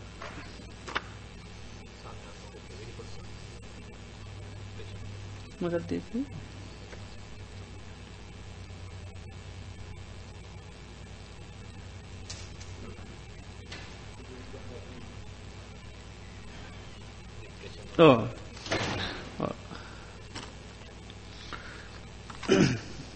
දැන් ධර්මය පෙනන මද නිබඳනු කෙලෙස් මදයන් නැති කරන්න පුළුවන්. මේ අපේ ධර්මය හරියට පරියන්නේ කරනවා. දැ මානසික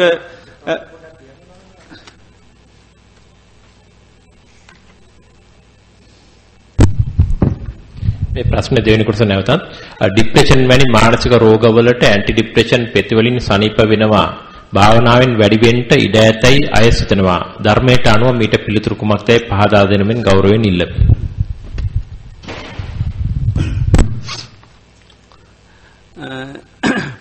දැන් ඒ වගේ මානසික රෝගවලට මේ ගැන භාවනාවෙන් අනිවාරෙන් නැතිකරගන්න පුළුවන් හැබැයි ඒකක මානුකුලුව කරොත් පමණයි ඉතින් ගොඩක් අය භාවනාව කියන්නේ වැරදිදියට පාවිච්චි කරන හින්දා තියෙන පිස්සු වැඩුවෙන්ට පුළුවන්. මොකද අවිෂය විදියට සමහට භාවනා කරන්නේ. තමන්ට විශේපතය ඉඳලා නෙවේ.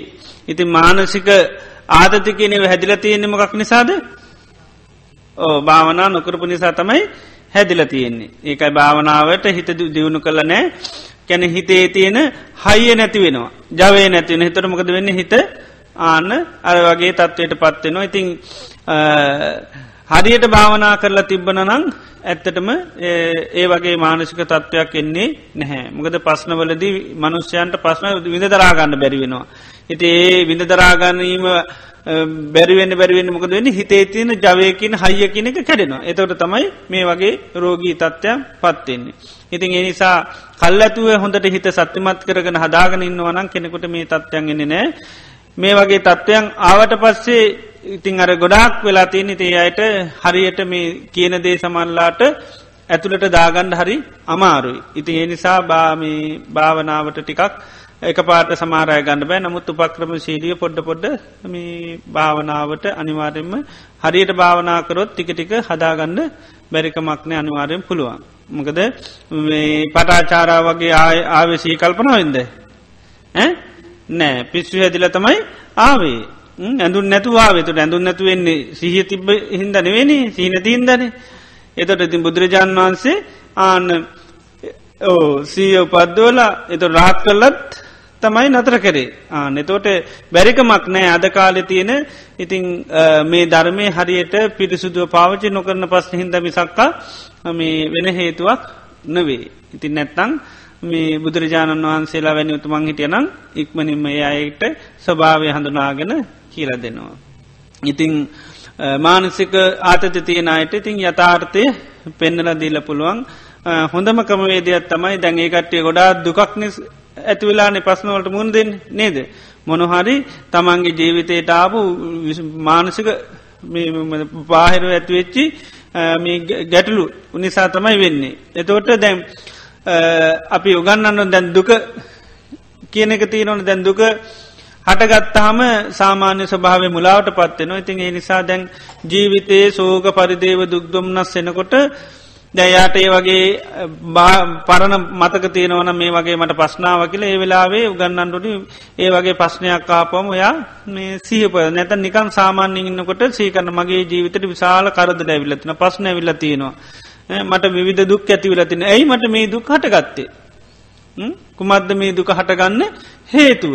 එතුට මේ බුදුරජාණන්ස පෙන්න්නමකක්ද අන්න ජාතිපච්චේ ඒ අර්සී කරන්න කෙන මම මේ ඉපදිච්චි නිසා මේ දුකවින්ද කියලා අන්නයා හොඳයට පුරුදු කරනවනං අන්නයාට මේ අර පස්්නය අවම කර ගන්න පුළන් මොකද දැන් ඒවගේ පස්න ඇතිවෙච්චා නිතරම බාහිර ලෝකට තම ඇගලි දික්කරන්න මට මේ වගේ තත්ත්වයන් වුණේ අහවලු අහවල් අහවල් දේකරපු හින්ද තමයි වුණේ තෝට නිතරම පටිගේ ඇත්තම හිතේ තියන්නේ කේන්ති තරහ තියන්නේ. ඉති ඒක නැතිකර ගන්න පුළන් මේක කවුරුත් කරපය කන්නවේ ආනිපදිච්ච නිසා නැත්තං කෙලෙස් නිසා. ඒ විදිහට පුරුදු මේ උගන්නන්න පුළුවන්ගේ වගේ අයට. එතොට ඒ මානසික ස්වභාවයන් අයිංකර ගන්න පුළන් ගොඩාක්ම දේශය මුල් කරගෙන තමයි තියෙන්නේ. ගොඩක් අයට මේ අනිත් අය තමන්ට එකකව කරපුවා. ආනේවා මුල් කරගෙන තමයි ඒ වගේ පස්්න ඇති කරගන්නේ. මෛත්‍රියත් මේ හරියට උගන්නවුවත් පුළුව මෛත්‍රී භාවනාව ඒ වගේ අයට.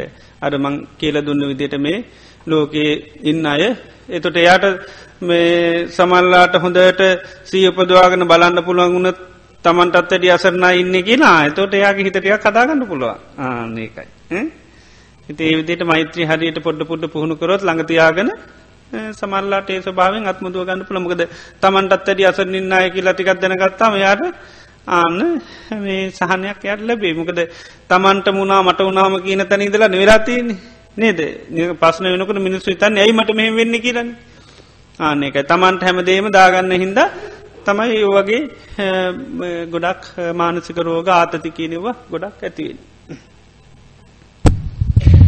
ගරු ස්වාමීන් වහන්ස අවිද්‍යා පත්‍ය සංඛාරා උදාහරණයක් සහිත වර්තමානයේ යෝනිසෝ මනසිකාරව කරන අන්දම කරුණාවෙන් පැහැදිලි කරන්න. සංඛාර පත්‍ය විඥානං විඥාන පත්‍ය නාම රූපං නාම රූප පත්‍ය සලආයතනං වර්තමාන ජීවිතයේ ගලපා ගන්න අන්දම කෙටි උදාහරණකින් පැහැදිලි කර දෙනෙමින් කරුණාවෙන් ඉල්ලමි. දර ඉස්සල පස්නේ ගත්තොත් දැන් පෙතිවලින් කරන්න මොකක්ද නින්දි කරන එක දැය හිතන හින්දනේ පස්න වැඩිුවෙන් ඒ නිසාමකද කරන ප්‍රතිවලින් එයා පුළුවන්තර නින්දර දානවා. නින්දර දැම්ම හිත හිතන ගති අඩු කරනවාන. නේද. හිතේ නිසා පෙතිවලින් කරන්න ගොඩක් එක යාවර පස්්න අමත කරන්න පුළුවන් තරං යාව නින්දර දානවා. ඉතින් අර භාවනාව කෙනෙක් හොඳට හුරු කරවන්න පුළුවන්නම් එයට ඒ පස්්නි තමන්ගේ මනසින් ගලවලාම දාගන්න පුළුවන්. දැන් අර වැෑඩි වෙන්නමකද යටපත් කරන එකත්තමයි පෙතිදීලා එයා අර මේ ගොඩාක් නින්දර දැම්ම ගමන් අර එයා හිතන ගති අඩුවෙනවා. එතර කාලයක් නෝට ටිකක් එයා සාමාන්‍ය තත්වට එනවා. ඕ ඒ කංශිල් කරන්න ඒක නයාගේ පස්්නය අයින් කරන්න මේ කතා කරනවා යාගේ හිතේ තියෙන යාට එක කෙනට එක දේවල් නැතිී නති ඒ ඇදීතින් අර යාට යාගේ පැත්තට කතා කරලා යාට මේව කරපුහ මන්න යාට යම් සාහනයක් ලැබෙනවා. එතනදී සමහරයට මානක ස්වභාවයන් අයින් කරන්න පුළුවන්. ගොඩා සැකේ මුල් කරගෙන එහෙම තියෙන් ඉතින් ඒ එතොට ඒවට කතා කරපු හම අයින් කරගන්න පුළන් සමාරයට දේවල් අහිම වුණහම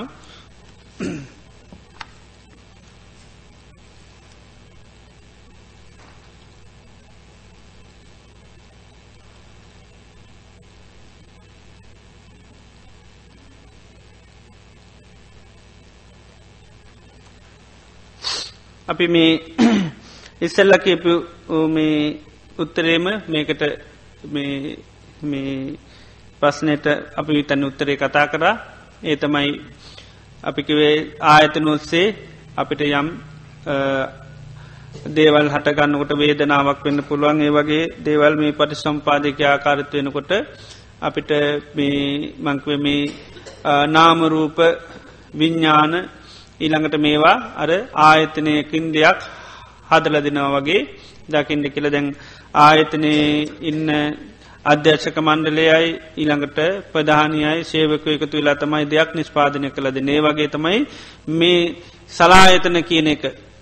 සලායතනෙන් දෙයක් අපිට හදල දෙනවනන්ගේ සලායතනය තනින් වෙන එකක් නෙවේ දැන් ඇස ඇස අපි කියනවා ඇස ආයතනයක් කියල කියනවා. එතරේ මේ ඇස ආයතනය නිකං ඉබේ වෙන එකක්න මේකේ ඇතුළෙන් අන්න අභ්‍යන්ත්‍රිකෝ දැන් අපි මොනවරි ආයතනයකින් දෙයක් හදන අපි දන්න ඒ ආයතනින් හදරදන කන ආතන ඇතුලින්නය තමයි හදල දෙන්නේ. ඇතුලින්න අය හදල දෙන එකක්. ඒ වගේ තමයි ඇහැට රූප පේනවා කණ්ඩ සද්ධහැනවා කියන තැනදී ඒකයි මේ ඒවා අභ්‍යන්ත්‍රිකව සකස් කරල දෙන්නේ තමයි මේ අර නාමරූපත් විඤ්ඥානයත් ඒක ඒවා ඔක්කොම අවිද්‍යා සහගතව තමයි තියෙන්නේ තේ අවිද්‍යා සාගතව තියෙන නාමරූපයෙන් තමයි අපිට මේ සලායතන ඔස්සේ දේවල් නිතරම නිස්පාදනය කරලා දෙන්නේ.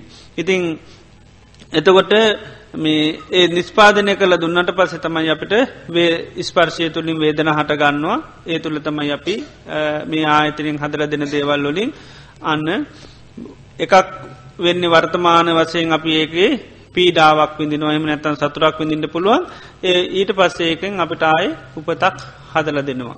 ඒ අනිවාරයම සිද්ධ වෙනවා. ඉති ඒ නිසා අපිට මේ අවබෝධ කර ගණ්ඩ තියෙන්නේ මේ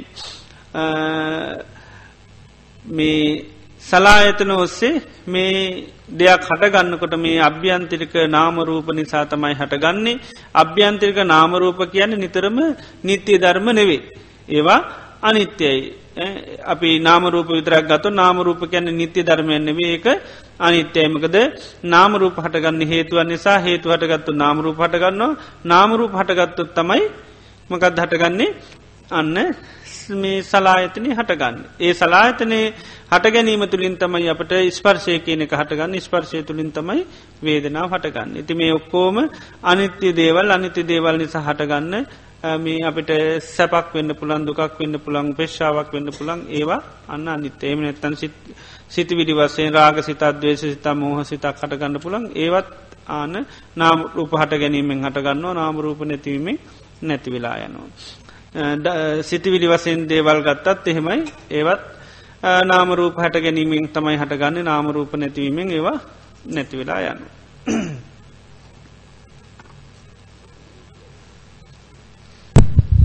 ගරු ස්වාමීන් වහන්ස නිරෝධ සමාපත්තියේ ආශ්වාස ප්‍රාශ්වාස නිරෝධයේ පහදා දෙනු මැනව. එනම් ආශ්වාස ප්‍රාශ්වාස සියුම් වීමද නිරෝධ සමාපත්තියට සමවාදින්නේ අනාගාමි අයයි රහතන් වහන්සේලායි.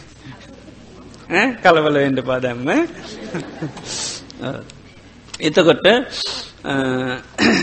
මේ නිරෝධ සමාපත්තියට සමවදින්ට ඉස්සල්ලා ඊට අවශ්‍ය පසුබිම ආන භාවනාවතනින් සකස් කල තමයි නිරෝධ සමාපත්තියට සමවාදින නිරෝධය සමාපත්තියට සමවැදුනාම මළමිනියේ නිරෝධ සමාපත්තියට සමවැදනු මේ මේ රහතන් වහන්සේකෝ ආර්යන් වහන්සේගේ ස්වභාවේදී ආශ්වාස පාශ්වාස නෑ කොහොමත් ආශ්වාස පාස්ව නෑ ඉතින් අහන මොකද තියෙන වෙනස කියලාහන මලමිනියේ තියෙන වෙනසයි ඊළඟට නිරෝධ සමාපත්. එතුර කියනවා මළමිනියේ ආශ්වාස පාශ්වාසත්නෑ ඊළඟට ආන ආවිශත්නෑ ඊළඟට මේ උස්නත්‍යත් නෑ. ආන්න නිරෝධ සමාපත්තියට සම්වැදුණු රහතන් වහන්සේගේ ආශ්වාස පාශ්වාස විතරක් නැහැ හැබැයි ආවිශත්තියනො උස්නත්‍යත් තියෙන. එතට ආශාස පාශ්වාස යටපත්වීමක් නෙවේ වෙන්න සම්පූර්ණම ආන නිරුද්ධකීමක් එතට ආස්වාස පාස්වාස විතරන්නම තවම නොද නිරුද්ධ වෙන්නේ? සංඥාවේදනාත් නිරුද්ධ වෙනවා. ඒ සඳහා කල් ඇතුව භාවනාවෙන් සකස් කරල තමයි නිරෝධ සමාපත්තියට සමවාදින්නේ. කාලය තුළ කොහොම සංඥාවේදනාත් නෑ ස්පර්ශයත් නෑ එතනින් නැගී සිටියට පස නැගී සිටින්ටත් ඕනිදේ කල් ඇතුම සකස් කරල තමයි උන්වහන්සේකෙන් සමවාදින්. එතොට ඒ අධිෂ්ඨාන කරපු කාලේ එතන පැවතිලා ඊට පස්සේ ආන්න මේ වෙන්න එතොට ඒකෙන් නැගී සිටියට පසිතම යාය ආශ්වාස පාසාතත් ඉළඟට ඊළඟට සංඥාවේදන ඔක්කෝම ඇතිවෙන්නේ. දන්න නෑ මං කරලා නැතින්ද වැඩි. ගරුස්වාමීන් වහන්ස සමාධිමත් සිතකට අනෙක් ලෝක පෙර ආත්ම දැකීම හෝ වෙනත් දේ දැකීම පහදා දෙනු මැනව.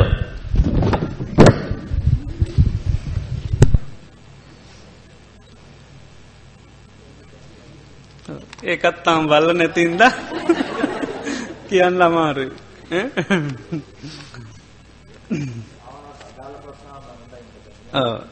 මේවා ඉතින් අපිට නේද?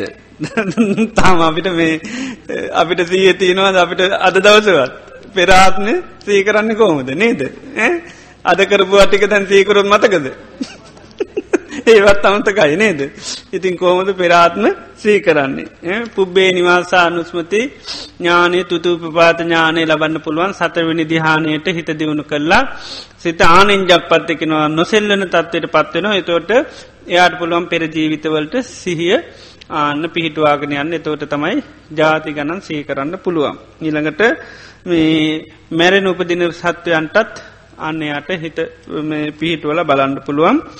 ඒ සතරවෙනි දිහානයට පත් වන හම පුළුවන්. ඊළඟට අරූප දිහානවලට දියුණු කරගත්ත හමත් මේ මේ ඥාන ඇති කරගන්න පුළුවන්. ඉතින් මේ ඉස්සල්ලා තියෙන්නේ මොකද සක්කාය දිට්ටිය නැති කර ගණ්ඩෝනේ පෙර බලන්ඩ ඉස්සල්ලා මොකද පෙර බලන්ඩත් පුරුවන් පෙර බල බැලුවත් බලන්නති නේත් පංච පාදානස්කන්දයක් තමයි ආය ආයපදි නොනං උපදින්නෙත් පංච පාදානස්කන්දයක් තමයි. ඉති නිසා කියනවා කජ්ජනීය සූත්‍රයේ මෙහෙම සී කරන්න කියන සාාවකයාට. මේ රූපය විසින් දැම්මාව කාලදාන. රූපය විසින් මාව කාලදාන කැන එතරමට මාට රූපයෙන් වද දෙනවා. එතොට මේ රූපය විසින් අතීතයේ කාල දැම්ම. කොහොමද? දැන් කන විදිට කියල හිතන්ඩිකෙන දැන් කන්නේ කොහොමද? ඒවිදිරතම අතීතය කෑවේ. ඉළඟට අනාගත රූපය ප්‍රාර්ථනා කරොත් ඒ රූපසිම් මාව කාලදානවා දැන් කන විදියට ආන විදිරතමයි පෙර භවයම් බලන්න කියන්නේ.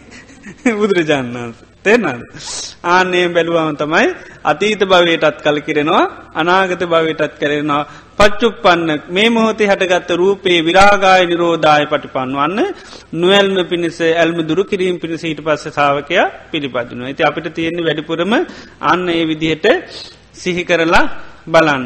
එතකොට තමයි වේන්නේ නැත්තං අපි සමාධිය දැන් පෙර ජීවිත දියුණු කරන හතර නිධාන දැන් ඊට පස්සේ දනිමිටි ගහන හතර නිධාන ලබන්ඩ ඔන්න භාවනා කරනවා. අන්තිමෙනකොද වෙන්නේ.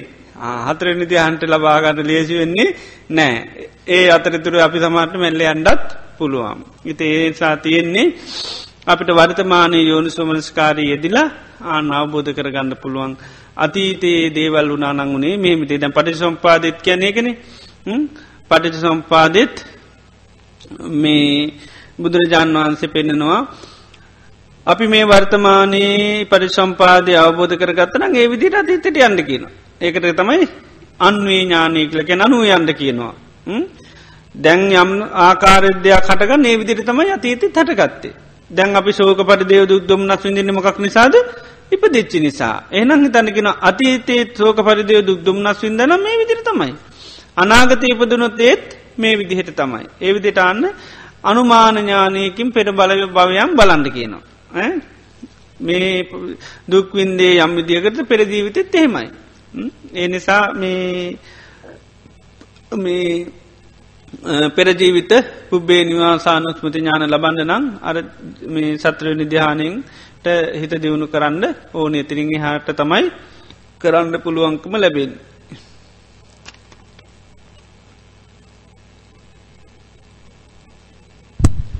ගරුස්වාමීන් වහන්ස කායානු පස්සනාවේදී ආනාපාන සතිය සති සම්පජඥයේ යන භාවනා විපස්සනාවේදී පටන් ගැනීම සහ අවසන් කරන අයුරු ආහාර තුලින් තවත් සරල කර දෙනමින් ඊතා කරුණාවෙන් ඉල්ලා සිටිමු. ඔබ වහන්සේට තෙරුවන් සරණ ලැබේවා.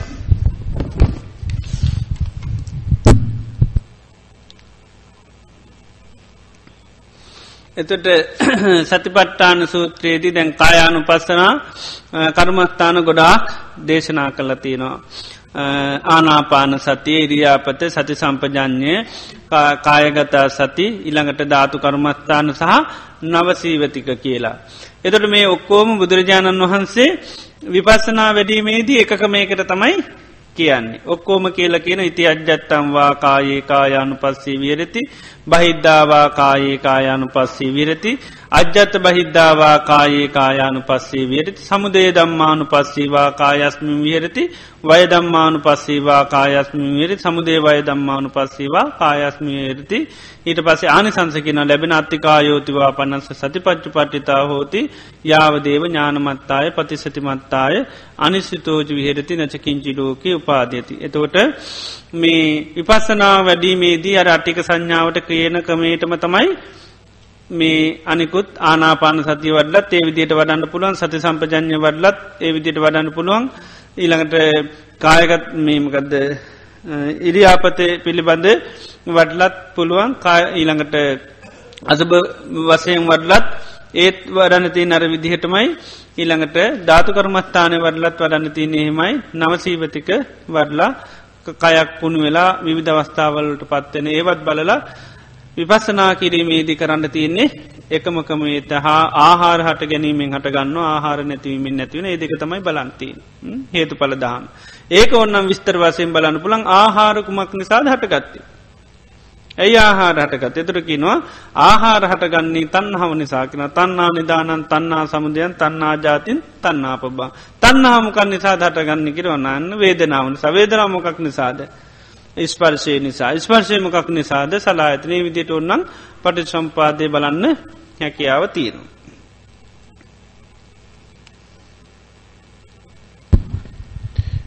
පින්වත් ස්වාමින් වහන්ස ආනාපාන සති භාවනාවේදී බුදුරජාණන් වහන්සේ වදාලා සබ්බකාය පටිසංවේදී අස සිස්සාමේති සික්කති සබ්බකාය පටිසංවේදී පස සිස්සාමේති සික්කති පසම්බයං කාය සංකාරං අස සිස්සාමේති සික්කති. පසම්බයං කාය සංකාරං පස සිස්සාමේති සික්කති. මේ මේ කරුණ විස්තර ඇතුව පැහැදිලි කර දෙන සේක්වා.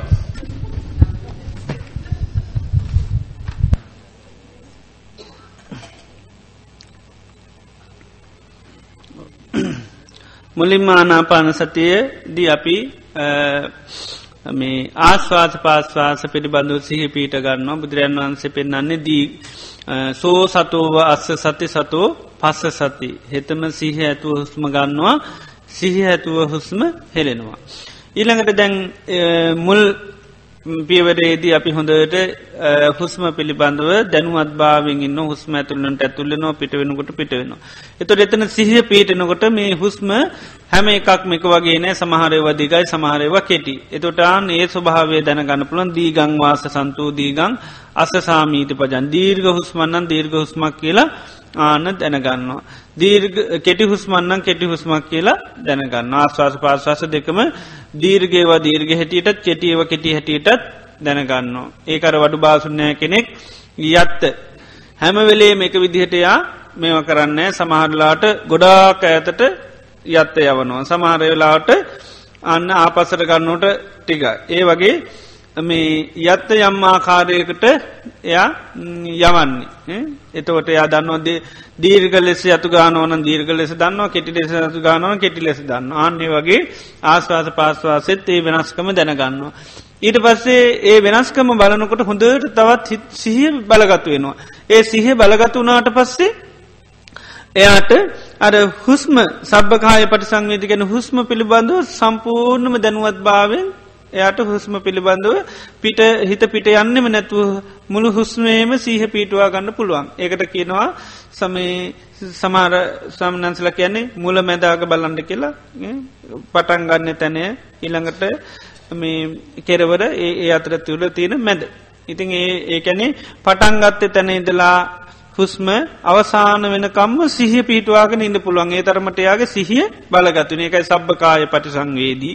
මුළුම ආශ්වාස පාර්ශවාස ස්වභාවයම දැනගනිමින් අස සිස්සාමීති සික්කති ආශ්වාස කරන පස සිස්සාමීති සික්කති පාශ්වාස කරමින් පුරුදු වෙනවා. එ සම්පූර්ණ අවධාන ඒ තරමට හුස්මටම යොමු කරගන්නවා මේ ඒ සීහ බලගත තොට සිතිවිල්ලි වසයෙන් කොහේවත් පිටියන්න ඇත්වෙන්න ය පුහුණු වෙන්නම පුළුවන් තරම් මේ ආශ්වාසයම තනිකරම සීහ පවත්තා ගන්න. තොට මුළු ආශ්වාස පාස්වාස දෙකේම හොඳයට වෙන්න. ඊළඟට පස්සම්බයන් කාය සංකාරන් දැන් මේ ආශවාස පාශ්වාසීට පස්සමකද වෙන්නේ දැන් කය හොඳට තැම්පත් වෙනකොට හිත හොඳට තැම්පත් වෙනකොට හුස්ම සාමාන්‍යයෙන් සියුම් වෙනවා. දැන් අපි ගමනක් බිමනක් ගිල්ල එනකොටමකද වෙන්නේ ගොඩා කයෙන් අපි ආස්වාස පාසාස කන පොඩ්ඩක් ඉඳගෙන පොඩි වෙලාවක් යනකොටමකද වෙන්නේ. අර මහා බහුල වස්සයෙන් මයිනහමකින් වගේ හුස්ම ගත ඒ ගත්ත ගති අඩු වෙලා නේද සාමාන්‍ය තත්වට එනවා. ඒ වගේ භාවනාවේදිත් එහෙමයි සිත සැහැල් වෙනකොට කය සැහැල් වෙනකොටමකද වෙන්නේ. මේ හුස්මත් සියුම් වෙනවා. එතොට එයාට ඒකත් එයා හොඳට ආන්න දැන ගනමින් දැන් හුස්ම ආන්න සියුම් වෙනවා කෙටි වෙනවා කියලා මේ සියුම් වෙලා යනවා කියලා හොඳට දැනගෙන ඒත් ආස්වාස පාස්වාස තුළම යා ඉන්නවා. එතට ඒ තුළත් එයාගේ මොකද වෙන්නේ? මේ හුස්ම සියුම් වෙන තරමට යාගේ සිහියත් සියුම්. ආන්න යාගේ සිහියත් හොඳට සියුම්. එතකොට දැන් මේ වෙලා වෙනකොටමකද වෙන්න? එයාගේ හිතේ සම්පූර්ණම හුස්ම එක්කම තමයි වැඩ කරන්න. එතකොටමකද වෙන්න? අර පංචනීවර නෙහෙම හිතේ සම්පූර්ණම යට පත්වෙලා තියෙන්නේ. එතට එයාට ඒ පංචනීවන වලින් හිත මේ වෙලා ඊට පස්සේ මේ හුස්මම තියෙනකොට යාට ඊට පස හුස්ම සිවුන්ගෙනවත් එක්ක මොකද වෙන්නේ? යාට අන්න මේ හිත තැන්පත්වනකට ලොකු ප්‍රීතියක් ඇති වෙන. ඊට පස්සේ තම පීති පටි සංවේදී අසමිස්සාමියත ප්‍රීතිය එයාට අහු වෙනතට යප් හුස්මත් එක අර තමන්ගේ හිතේ තියෙන ප්‍රීතිය දැනගෙන මේ හුස්ම අතාරන්නේ නැහැ. පීතිය ස්වභාවය හඳුනාගෙන ප්‍රීතිය කටගතන ඒකත් දැනගෙන ඒ තාස්වාස පාස්වාසයම ආන සිහ පීටුව ගන්න. ඊට පස්සේ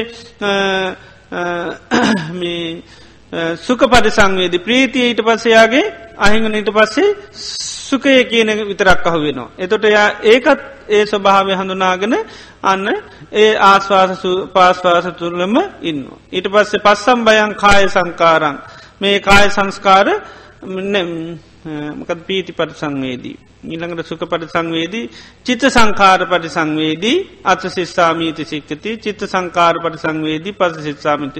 ඉළඟට චිත්ත සංකාර කියන්නේ සංඥා වේදනා ආනේ ස්වභාවේ දැනගෙනයාට ආශ්වාස පාශ්වාස කරනවා. ඊළඟට එයා තවදුරටත් කරනකොට මේ සුකයත්තයාගේ නැවුණ. එයාට සම්පූර්ණ අහුවෙන් ඊට පස්සේ හිත විතරය එතට තමයි චිත්ත පටි සංවේදී සිත පිළිබඳව හොඳට එයාට සිත විතරයි යහුවෙන්නේ තොට ඒකත් දැනගෙන අන්න භාවනක නීට වස හිත බොහෝම පමිදිත භාවයට පන අභිපමෝදයන් චිත්තං. හිත ගොඩා පොමිදිත භාවයට පත්නේ තොට ඒ ස්වභාවයක් දැනගෙන එයා ආස්වාස් පාස්වාස කරනවා. ඒ විදිහට දිගට මේ ආස්වාස පාස්වාස තුළම ඇතිවෙන ස්වභාවයන් මේ සතර සතිපට්ටාන වැඩෙන විදියට යාට කරගෙන යන්න පුළුවන්. මේ ගොඩක් වෙලා යයි කියන්නගොත් මේ කාලේ ඕ විපස්සනා සම්පූර්ණම යන්නේ. ඒකයි සතිපට්ටාන පෙන්න්නන්නේ අර පස්සම් බයන් කාය සංකාරං විතරයි. අනිත්තැන්වලදි තමයි සතර සතිපට්ටාන වැඩෙන විදිහට පෙන්න්න ඥානාපාන සතිය තුළම අරිහත්තේ දක්වාම යන්ඩ පෙන්න්නනවා. ඉතින් ඒකදී කියන්නේ හොඳට සිහිය තියෙන් ඩෝනයේ ස්වභාවයන් හඳුනාගෙන කරන්න. ඒක බලගතු සීයක් වැඩුණොත් තම එක කරන්න පුළුවන්. නැත්තං අමාරුමක දේවා මේ අවබෝධ කැනෙ හඳුනාගන්ට හැකියාවන්නෑ සිහි බලගතු වෙන්න නැත්තා.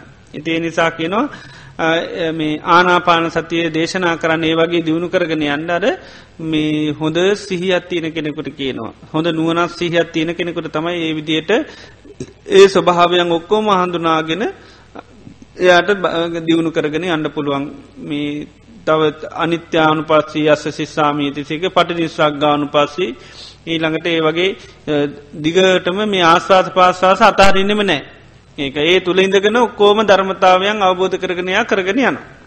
ඒවිදියට ආස්වාස පාස්වාස මගදී නිරුද්ධ වීමක් අතහැරීමක් මොකුත් කරන්නේ. ඒ ආස්වාස පාස්වාස තුළිඳකන තමයි අනිත්‍යය දකින්නෙත් ඔක්කෝම දකින්නේ ආස්වාස පාස්වාස තුළ ඉඳගෙනමයි. ඒක අවසාන වෙනකං අතහරින්නෙම නෑ. ඒ ආස්වාස පාස්වාස තුළ ඇත්වෙන ධර්මතා තමයි ඔක්කොම හඳුනාගෙනයා කටයුතු කරන්න. එතොට අනිච්චානු පස්සී බලන්නකොට ඇගැන එයා දකිනවා මේ ආස්වාස පාස්වාස කියලා හටගන්නමකද පංච පාදානස්කන්දය. එතරේ පංච පාදානස්කන්දය හටගන්න පංච පාදානස්කන්දය නැතිවනවා යා දකින එතන. මකද මේ ආස්වාද පාස්වාද තුළ මෙයාට ජාන ස්වභාවයන් ඔක්කොම ය හඳුනගන්න. ඒක ඒ පීති පටි සංවේදිකයන්නේ ජානවස්ථාවලද යාගේ හිතේ ඇතිවෙන ස්වභාවෙන්. හිතේ විදියට දිගටම ආනාපාන සතියෙන්ම අරිහත්වය දක්වාම විද්‍යාවිමුක්ති සත්ත බොජ්ජංග ඔක්කෝම වඩාගන්න පුළුවන් කියල බුදුරජාන් වන්සේ දේශනා කරනු.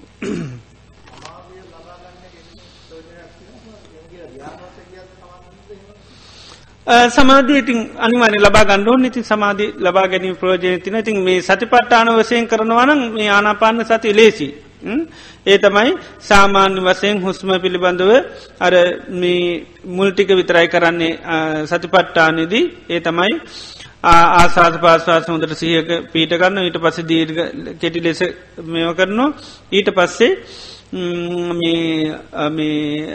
සිමුළු ආස්වාස පාස්වාසා කායමෙන එතට ආස්වාස පාස්වාස සංසිින්දනට ආගන්න සංසිින්දන ස්වභාවය දැනග මේකන ඊට පස්සේ යායට පුළුවන් අන්න දැන් කයේම දැන් මේ ආස්වාස සංසිනීමත් එක හොඳට හිත මේ ආස්වාස තුළම පිහිටියට පස්සේ එතනිදී යන්න මේ ආස්වාස පාස්වාස සහිත කය කුමක් නිසාධාටගත්ස කියල විපසනා පැත්තට ඊට පස්සේ හරවන්න පුළුවන්. එක තමයි අති ඉති අජ්‍යත්තංවා කායේ කායනු පස්සේ විරත් බහිද්ධාවා කායේ කායනුව සමුදේ දම්මානු පස්සීවා කැන එකයි මේ කය හටගත්තමකින්ද කියලා බලන්න. ඒක තමයි ලේසිම ක්‍රමේ හිතේ විදියට ආනාපාන සතිය වරල ලේසිම වඩන්න පුළුවන් විපස්සනාවට.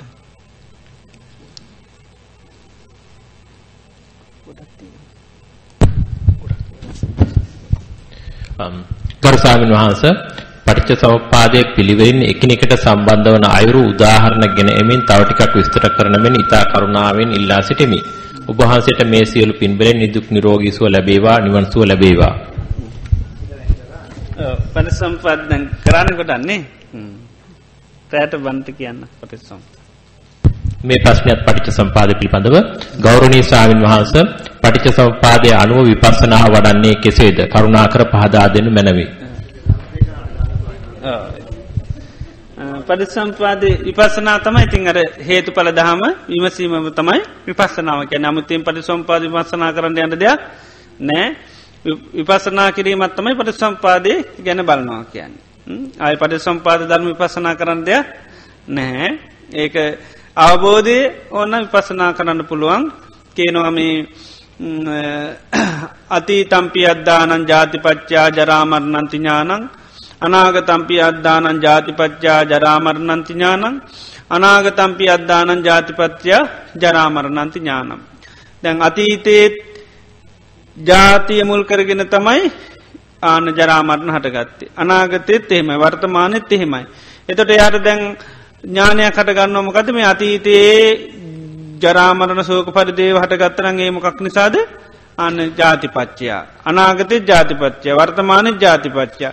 එතොට ඥානය හටගත්තර පස එයා දන්න යම්පිස්සතන් දම්මට්ටිති ඥාන දැම් මේ අවබෝධ කරගත්ත අවබෝධයක් තම්පි අය දම්මං වය දම්මං විරාග දම්මන් නිරෝධම්මන්ති ඥාන මේකත් වෙනස්ර නැතිවෙලා යනවා කියලා ආන නුවන ඇති කරගන්න.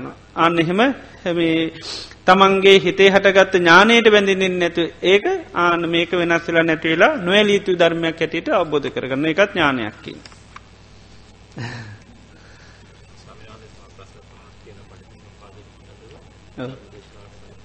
අපි එහෙම කරමුණේ ඕ ඕකේවා තව ප්‍රශ්න පහක් තියෙනවා පටිච්චසමුපාදය පිළිබඳව. පටිච්චසමුපාදයේ අතීත අනාගත වර්තමාන කාල තුනට බෙදා කරන විවරණය වඩා පැහැදිලියයි සිතමි. කරුණාවෙන් පහදන්න. එකම චක්‍රයක සංස්කාර හේතුවෙන් විඥානයේ ඇතිවීමත් භවය හේතුවෙන් ජාති ඇතිවීමත් පැහැදිලි කරන්නේ කෙසේද? ඒක ප්‍රශ්නයක්. පටිච්ච සමුප්පාදයේ ධම්වැලක පුරුකක් ලෙසයි මට තේරුම් යන්නේ. එක් එක් පුරුක ඊළඟ ඵලයට හේතුවක් වන බැවින් දුක නැති කිරීමට නම් මේ ධම්වැලේ කුමන පුරුකකින් කැඩුවත් ඉපදීම නැති කළ හැකි නේද? එම ධම්වැලේ ඕනෑම තැනකදී එම ඵලය ඇතිවීමට තුඩු දෙන හේතුව දිහා නුවණින් බැලීමෙන් එනම් විදර්ශනා කිරීමෙන් මෙම දිගින් දිගට යන ගමන නැවැත්විය හැකිද? කරුණාවෙන් පාදා දෙන මෙන් ඉල්ලමි. තෙරුවන් සරණයි. ඊළඟ ප්‍රශ්නය සත්වයාගේ ඉපදීම උදාහරණයටගෙන මවගේ කුසේ විඥානයේ පහළවීමේ සිට නැවත ಜಾති ඇතිවන තෙක් පටිච්චසමුපාදය විස්තර කරන මෙන් ඉතා ගෞරවයෙන් ඉල්ලා සිටිමි. ඊළඟ ප්‍රශ්නය ගරු ස්වාමින් වහන්සේ පටිච්චසමුපාදයේ වැඩිවීමට පෙර අධික සංඥාවෙන් සිත සමාධි කර සමාධිගත කර පසුව ඒ වැඩිවීමෙන් අවඩක් වේද කර ස්වාමීන් වහන්සේ සක්මන් භාවනා කර එය පදම් වූ පසු පටිච්ච සම්පාදයේ මෙනෙහි කිරීම සුදුසුද එසේනම් එය කිරීම පිළිබඳව කෙටි උපසදක් උපදේශක් දෙන මෙන් ගෞරවයෙන් ඉල්ලමි. ත්වන් සරණයි. ඒ? සක්මන් භාවනාව. ඊළඟ ප්‍රශ්නය ගරු ස්වාමින් වහන්සේ අදුක්කම සුඛ වේදනාවේ කර්ම සකස් වන හැටි පැහැදිලි කර දෙන මෙන් කරුණාවෙන් ඉල්ලා සිටිමි. ත්වන් සරණයි. මේක එක ප්‍රශ්නයක් තියෙනවා අපි කියන්නේ.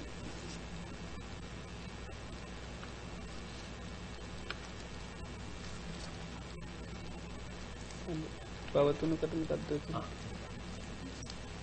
මේකනේ.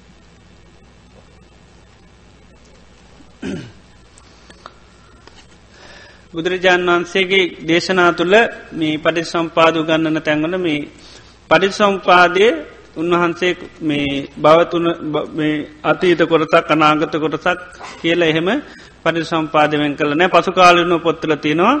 ඉතින් අපි දන්න එක මොකක්ද කියලා. බුද්ධ දේශනා තුළනම් කොහවත් මන් දැකල නෑ. පටි සම්පාදමේ අතීතය මේ කොටස අනාගත මේ කොටස ඊළඟට මේ වර්තමාන මේ කොරස කියලා වෙන් කරලා.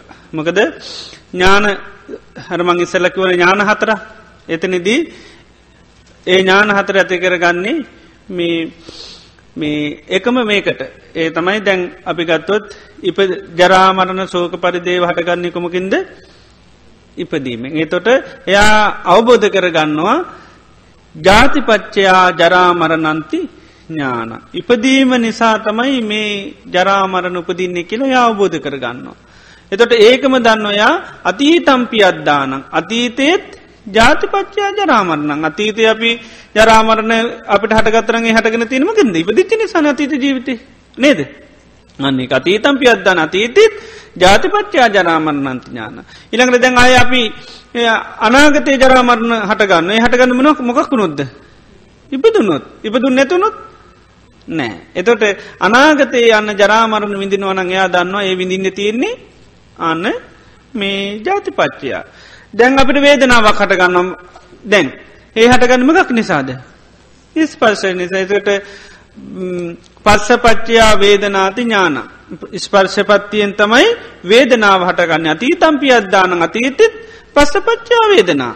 අනාගතම්පි අද්දාන අනාගතයත් පස්සපච්චා වේදනා ආනයකයි.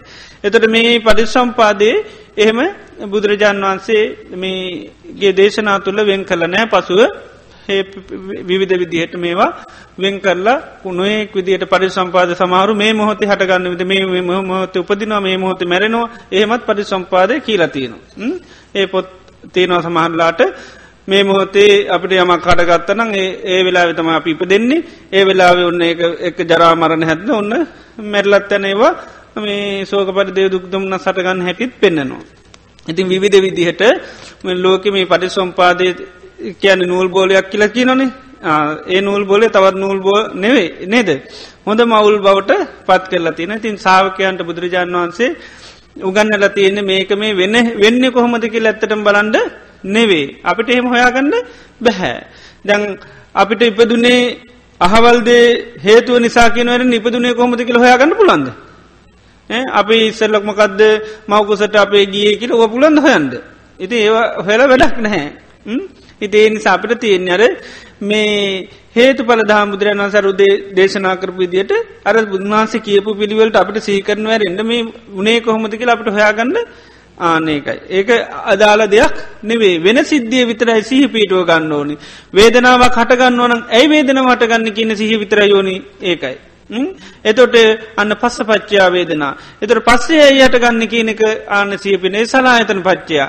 එතට සලාහිතන හටගන්නේ අන්න නාමරූපත් ඒ වගේ විතරයි අපිට අවසිතාවති ඒක කොහොමද වෙන්න කියල අපිට කොහොමත් හොයාගන්න බැහැ. ඉති හොයන්ඩගේ හින්ද තමයි විධ විදියට පොත් ලියල ලියල ලියල අන්තිමේට අන්න මේක අවුලලති නිතේ නිසා අපිට තියෙන මේ බුදුරජාන් වහන්සේ කියපවිදියට සිහිකිරීම ඇර වෙන අපිට මේවා මේ වෙන්න කොහොමද කියලා හොයන්ඩ නෙවේ ඒකයි. ඉති අපි හොයාගත්තු අපි තුර සම්මා සම්බුද්ධය නොන ඒව හයන්ඩිකි පහන් සාවක වෙන්න කොහෙත නේද? ඒ නිසා නිතරම ධර්මය නිතරම් බලන්ඩ අර කෑමත් දුන්නට පසෝක හැදුවේ කොහෙද කිය කියන්න නෙව කණ්ඩයි. නේද? අදල දුන්න ආයතන හොයන කිල්ල මුන් කෝමද මේක හැදී නේද? ඒක නුසුදුතු කෑමන්න කයින්න හොඳ කෑමන්න කනවා. එච්චර අපිට තියෙන්නේ. ඉති ඕක හදපු ආයතන හොයන්න යන්න ගයොත්තේමක දෙන්නේ කාලෙ නාත්වනක විතරයි වෙන්නේ. ඉති ඒ නිසා අපිට දැන් ආතිනගේ හැමවෙලේ මදල දෙනවනේ අන්න හදල දෙන පැකට්ටි විතර ලිහල බලන්න පොඩ්ඩා කණ්ඩ සුදුසු දෙකක්ද නුසුසු දෙකක්ද කියලා. තොට තේරේ සුදුසු කෑමන්නම් කණ්ඩ පුළුව නුසු කෑමන්න විසි කල දානු එච්චරයි. ඊට හම කොහොම දහදන්න කොහොම දෙහ දෙන්න කියලා හොයන්නකිත්මක දෙන්නේ අන්න වැඩක් නෑ මකද ඒවා වෙනකොටත් හැදෙනවනි පටි සම්පාද තෙරවාද ඒවා අපි හොය හොයනකොටත් ඒත් පටි සම්පාද ඇති වෙන දැන් මේ ගොඩා පොත් ලියල මේ පුුණු කැන උපදින්න කෝමති ලිති අන්තරා භවයට යන අරුවම වගේ ඇති පොත් ලිලී නති තොටත්මකද වෙන්නේ? ආයත් භව හැදෙනවන. ඒවා හොයනකොටත් භවය හැදෙනවා. ඒවා විසිදුන්නේ කොහොමත් නේද? වාද ව්‍යාද ටිකක් විතර ඇතියෙන්නේ එනිසා පඩ සම්පාද අපිට තියෙන්නේ හරි අතීට හේතුවෙන්ඩක් පුළුවන් අනාගත හේතුවෙන්ඩක් පුළුවන්. ඇබැයි අපට තියෙන මෙන්න මේ හේතුව නිසා මේදේ හටගන්නේ ගෙන සිහපිටුව ගන එක ඉමස්මින් සති දං හෝති ඉමස් උපාදා ඉදං උප ඉමස්මින් අසට ඉදං නෝති ඉමස නිරෝධ ඉදන් නිරුද්ධති ඒ න්‍යාය අනු අපිට තියෙන්නේ අන්න පටි සම්පාදය කියන අවබෝධ කරගන්න. ඉතින් බුද්ධ දේශනා වල කොහෙවත් මේ මේ බුදුරජාන් වන්සේ මේ අතීත කොට මේ අනාගත කොට මේ වර්තමාන කොරස කියල බෙදනෑ පසුව ග්‍රන්ථවල තියෙනවා. ඉතින් සත්‍ය අසත්‍යය ස්වභාවය අපි දන්නේ අපිට තියෙන්නේ බුදුරජාණන් වහන්සේ කියවනං ඒ විදිහට සද්ධහ පේටවාගෙන තවත්තේ වගේ සත්‍යතාවයන් තියෙන් ඩප්පුල නමුත් අපිට ඕනි වර්තමානය සිහිපදව ගන්න විතර වෙන මුකුත් අවශ්‍යතාවයක් නෑ. වේදනාව කටගන්නුට සිහපුදව ගන්න පුළුවන්නම් එච්චරයි අවස්සී. ජීවිතේ ජරාමන්න සෝක පරිදේ දුක්දොන්නක් සෙනකොට මං මේ ඉපදුනා කියලා සිහිපීටුව ගන්න පුළුවන්නම් ඒක තම අත්‍යවශ්‍යය. කොහොමද මේ ඉපදුනේ කෙනෙ කොහෙන එක නෙවේ ඒකයි. කොහොමරි දැන් ඉපදිල ඉන්නවනේ. නේද? පාවෙලා වෙල්ල හරි නේද? අගන්දබ්බෙක් වෙලා හරි මොකේ කරි ඇවිල දැන් ඉපදිල තියෙන ඉපදින ඉන්න දැන් විඳවට ඇයි ඉපදුනේ කියල මේ ජරාමන්න විදුවන්ට ඇයි මේ ජරාමන් හටගත්තේ තමයි ජාතිපච්චා ඉතින් ඉපදිලා තියෙන මොනවද මේ? සලායතන සහ පංචුපාදාන එනම් මේක ඉපදුනා නිසා දුක්කිඳනවා කියන පාඩම විතර සිහිය විතර අපිට අවස්සේ එතොට තමයි පංචපාදානස් කන්දිට කල කිරෙන්නේ ආයතනය වලට කල කිරෙන්නේ. ඉතින් එහෙම නැතුව පරියේෂණ කරල කවදක්කත් අපිට වෙන්න නෑ සිහ පීටවා ගැනීම තුළින් විතරක් ප්‍රෝජනයක් වෙයි. එතකොට ඔන්න සෝක පරිදේ දුක් දුන්නස් හට ගඩ්ඩුවට අපිට සීහ පීරනවා මෙන්න මේ නිසයි මේක වෙන්නේ කියලා. ඉමස්මින් සති ඉදං හෝති.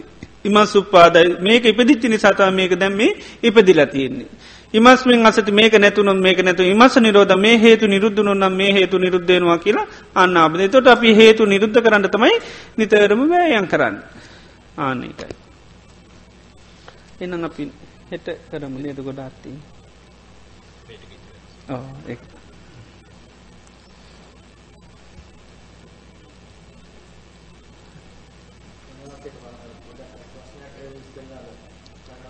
සාසන කටයුතු සෑදීම එයාට අපි සම්මාදනය කොහොමද කියන්නේ. නවදේශා පස්සේ කියන ඒ ප්‍රශ්න සාකච්ඡා කියවන්නද? අනාත්ම ඥාවනි සෙනාසනේ ගැන වැඩි වෙන පොඩ්ඩක් අපට ඔව්.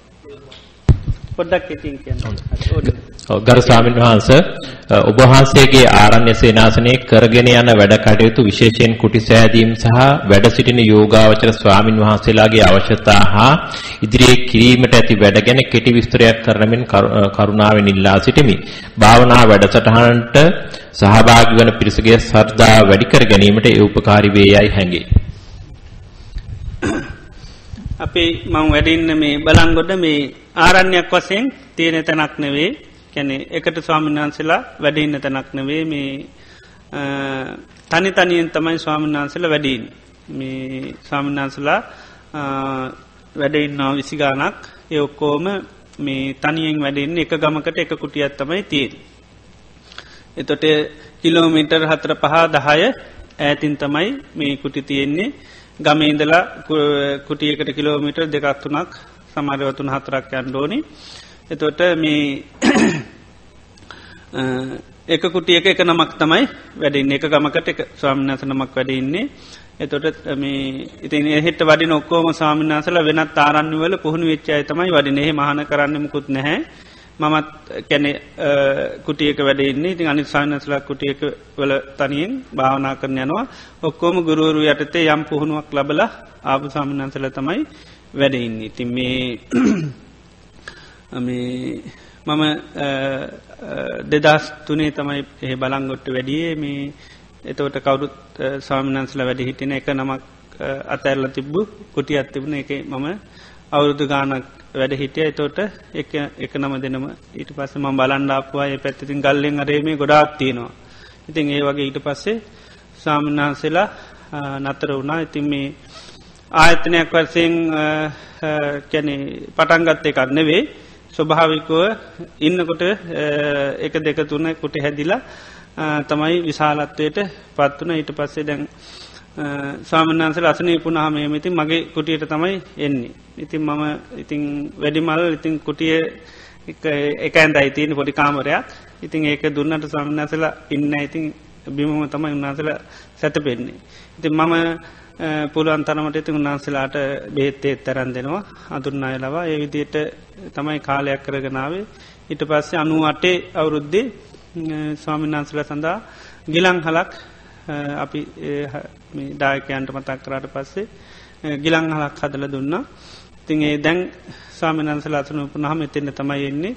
පෝය කරන්න මාසට දෙපාරක් තියෙන කාලව දවස්වලට වඩිනෝ ඉතින් ඒ පුත්ත කාලයක් තියෙනවා ගිලංහලේ ඊට පස්සේ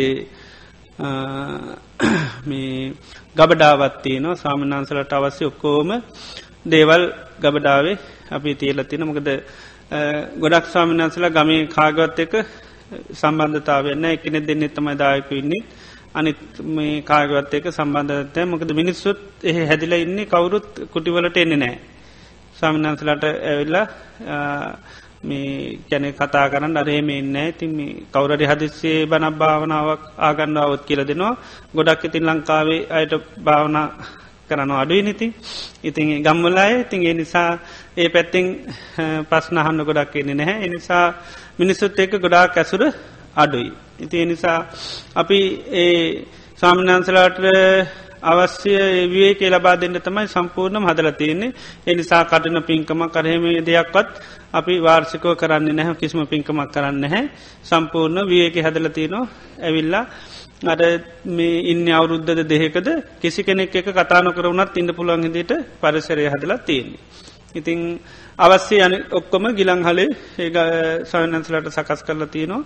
මේ උන්වහන්සලා තොට ඒ ඇවිල්ලා මේ මුකුත් ලොක් කරලා හරේමේ නෑ ඔක්කොම ඇරලා තියෙන අවශ්‍ය සාන්නන්දලට ඇවිල් ඕන දෙයක් ඇර යන්න පුළන් පුස්තකාලෙත් එහෙමයි.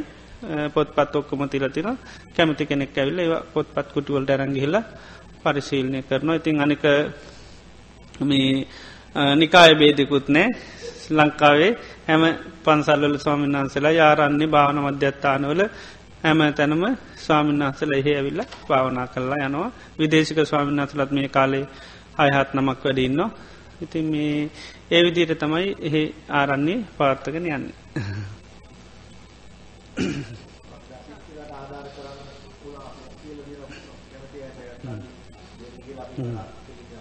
ඊට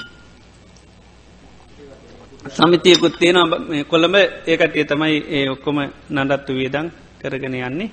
කොළඹ තියෙනවා එකක්.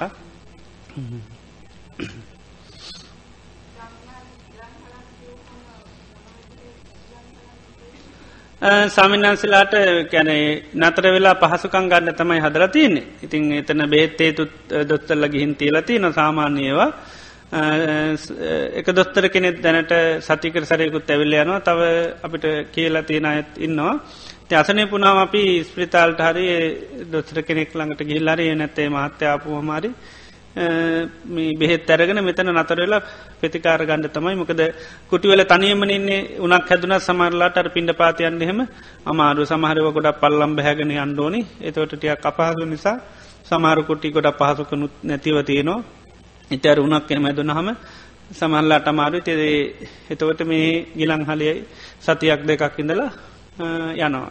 ඉතර ආරන්නේකට වෙනත් තැනකට ගියොත් සමල්ලාට අයි බාධ වෙනවා අයි බණ කියන්ට යන්න වෙනවා. මේ යට සටන්වලට සාභාගි වෙන්ඩෙනවා ඒ වගේ වෙන ඕනෙ. තොට අයින්ඩ අමාරුයි. ගියාම. ඉතින් මෙතනදී මොකුත් වැඩ සටාන් කරන්නේ භාවනාව මධ්‍ය මොකූත්ම කරන්න හැ ඉතින් මමත් ලංකාවේ බණ කියන්න යන්නේ වැඩ සටහන් කරන්න මුකුත් කරන්න මෙහෙතමයි කරන්නේ. ඔක්කොම රජය කැලෑවල තමයි වනරශ්ෂණයෙන් අවසර අරන්තමයි හදන්න. ඉතින් මේ කුටි හදන්න ගොඩ අය අත්තර කතා කරනු නමුත් හදන්න ටිකක් අමාරුයි. මේ වන රශ්ෂණයෙන් ටියක් ගණ්ඩ හරි අමාරුයි.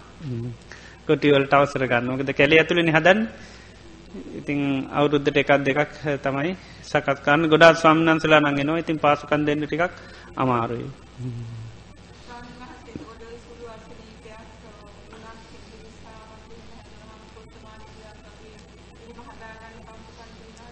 කුටිවලද ද ගිලංහලේද ගිලංහලේ ඔක්කොම පහසු කන්තියනවා කැපකරු දෙන්නෙක් නතර කරලා ඉන්නවා. ඉළඟට දායකට ත්‍රීවිල්ලෙක්කුත් පූජ කරලා තියනවා. ඒ නිසා පහසුකං ඔක්කොම තියෙන එතන. හොඳට හදලති නොගොඩ නැගිල්ල පිරිසුදුව. ඒ නිසා පහසුකං හොඳට මෙතන තියෙනවා. ඉතිං අසනයපුනහම ඉතිං සායනස්සලා කල් ඇතුව සමල්ලාට දැනුනහම නවා ඉති හදිසි අසනපයක් වුණොත් එහෙම කරන්න දෙයන්න ඉතින් හැබැයි මන කට්ටිය ගොඩක් දැමට වෙලාතින මං ඉස්සර තනී මුල්කාල හිටිය සයනසල හිටිය නැහැ කවුරුත්. ඒ මුල් මාස් අවුරුදු ගණන්වල එක නම දෙනම වගේ වරින් වර හිටියටෙන් මම තමයි තනීම හිටියේ. මම ඉන්න කාලවල මරං සමලට තද බල කැනෙ යන්න අපහසතා ලෙඩ හැදිලා තියෙනවා. ඒත් මං හැමදාම පින්ඩ පාතයන් එකම වෙලාවට. ඉතින් පෑභාගයක් කරි පරක්වුණොත් පැයක්විතර පරක්කනකට දන්නවා මාකරි අමාරුවක් කලේ තොට ඉතින් එනවා හොයාගන්න දාන්න තරම් කුටියට එනවා කට්ටිය. ඉතින් එහෙමට අවස්ථා කීපයක් වෙලා තියෙන එක සැර වමන. ගිල්ලම නොහර විසි බීජයක් ගිල්ල ති නැගට ගන්නත්තම ම දන්න දැන් කට්ටිය හිද මං ඉතින් ගේන පින්ඩ පාත. ඒවගේ අවස්ථා කීපයක්කදී වෙන ඇති එහෙම දායක වෙනවා. මේ කැන මිනිස්සු පින්ඩ පාත බෙදන්න බලාන ඉන්නවන. දැමකද අපි හැමදාම යනවන පින්ඩ පාති සමාරු මුළු මාසම පින්ඩ පාත බෙදනවා ඇති අවුරුද්ධම් පින්ඩ පාත බෙදෙන ඉන්න ඇති මොකද උදේට මනහරි හදලා හිතේක වෑන්ජනය බතුයි. ඉතින් ගෙනල පුජ කරනවා. පින්ඩ පාතියන්න එක වෙලායි. එක වෙලා යන්නේ. ඉතින් සමහර සමන්න්සලා උදේට පොඩ්ඩක් වන්දනවා දවල්ට වන්දනෝ නැත්තං සමහරය එක වෙලක් වන්දනාය ගොඩක් ඉන්නේ. මේ කොහමත් පිඩ පාත යන්නේ උදේට පමණ අය දවල්ට යන්නේ නෑ. ලැබෙන එක තමයි දවල්ට ගත්තත් ගන්නේ.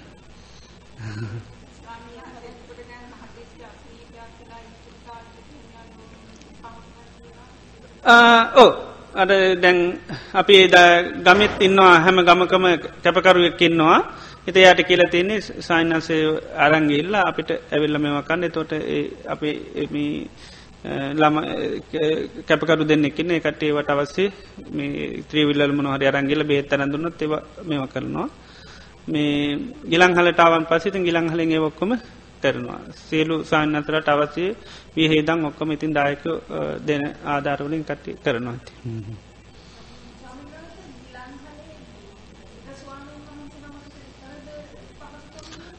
කාමර පහ කැන කාමර තුනත්තින ඇඳම් පහත්තිනවා. ඉතිං ඇඳම් පහකද ති අතාව අමතර ඉතින් සයිනසලා කොමත් මේ හැම කාලෙම ගොඩාකින්න ඉතින් මේ බිම තමයි ගොඩ පාච්චි කරනවා ඉඩකඩ තිය නොටිකක්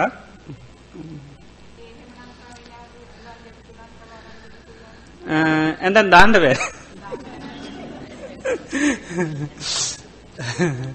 ගිලංහල මේ හදන්ට ඉන්න ලොකුවට තව එකක්. නමුත් මේ ඉඩම් පස්්නයක් තියෙනවා. මේ ඒක විසඳුච්චි කාලෙක හදන්නන්නවා ගිරං හල ලොක් කරලා මොකද විසි ගානක් ඉන්නවා යාපුවම කොමත් ඇමදාම eh, පෝයටේ මාපම් බිම තමයි සයිනසල ඉන්නේ.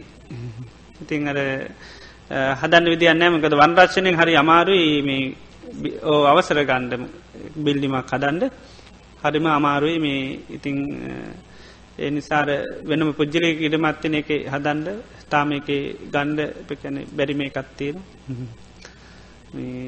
ඒක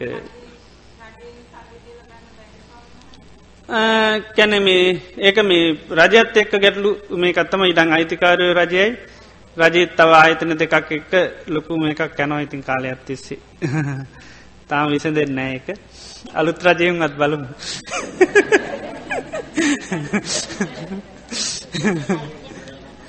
ගිලං හලට ලයිට් තියෙනවා. වාහනයන්ට පුළොන්කොම පහසුකන්තියනවා කොටිවලට ගොඩත් සූරිය කෝෂතියන ඉටි පන්දම් පාච්චි කරනවා. කුටිවලට ලයිට් නැමකද කළ ඇතුළේ වතින්නේ ඕ මේ රක්ෂිත කැලෑ ඔක්කොම. ගොඩක් වල උඩවලවට එහෙම අයිති කොටස්. ඒව දැන් කොටස් කොටස් ලොකු කැලෑ කැඩිලා ඒව මැද තමයි කුති තියෙන් ඉතින්. ගම් මාසිතුව හදල තියෙනවා.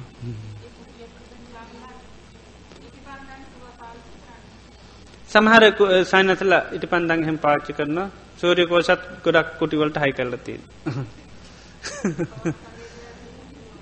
ටෝච්චේම ප්‍රශ්නයන්නේ සයිනස්ලාට පාච්චි කරනවා ටෝච්.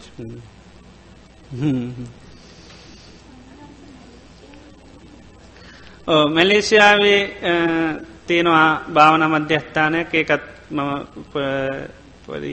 උදව් කරනවා. එතන ගිහි අයට ගිහිල්ලා භාවනා කරන්න පුළුවන්. මාසයක් දෙකත් වනක් වුණත් නතුරල පුළුවන්. එහෙ මැලේසියා බුරුම තියෙනවානේ. තා එහෙම තාවකාලික පැවිද්ද? තෙහෙත් ස්ථාවකාලික පැවිදිලා භාවනා කරගෙන ඉන්න පුළුවන්. මේ මැලෙසියාවේ ඒ පහසුකම තියනවා.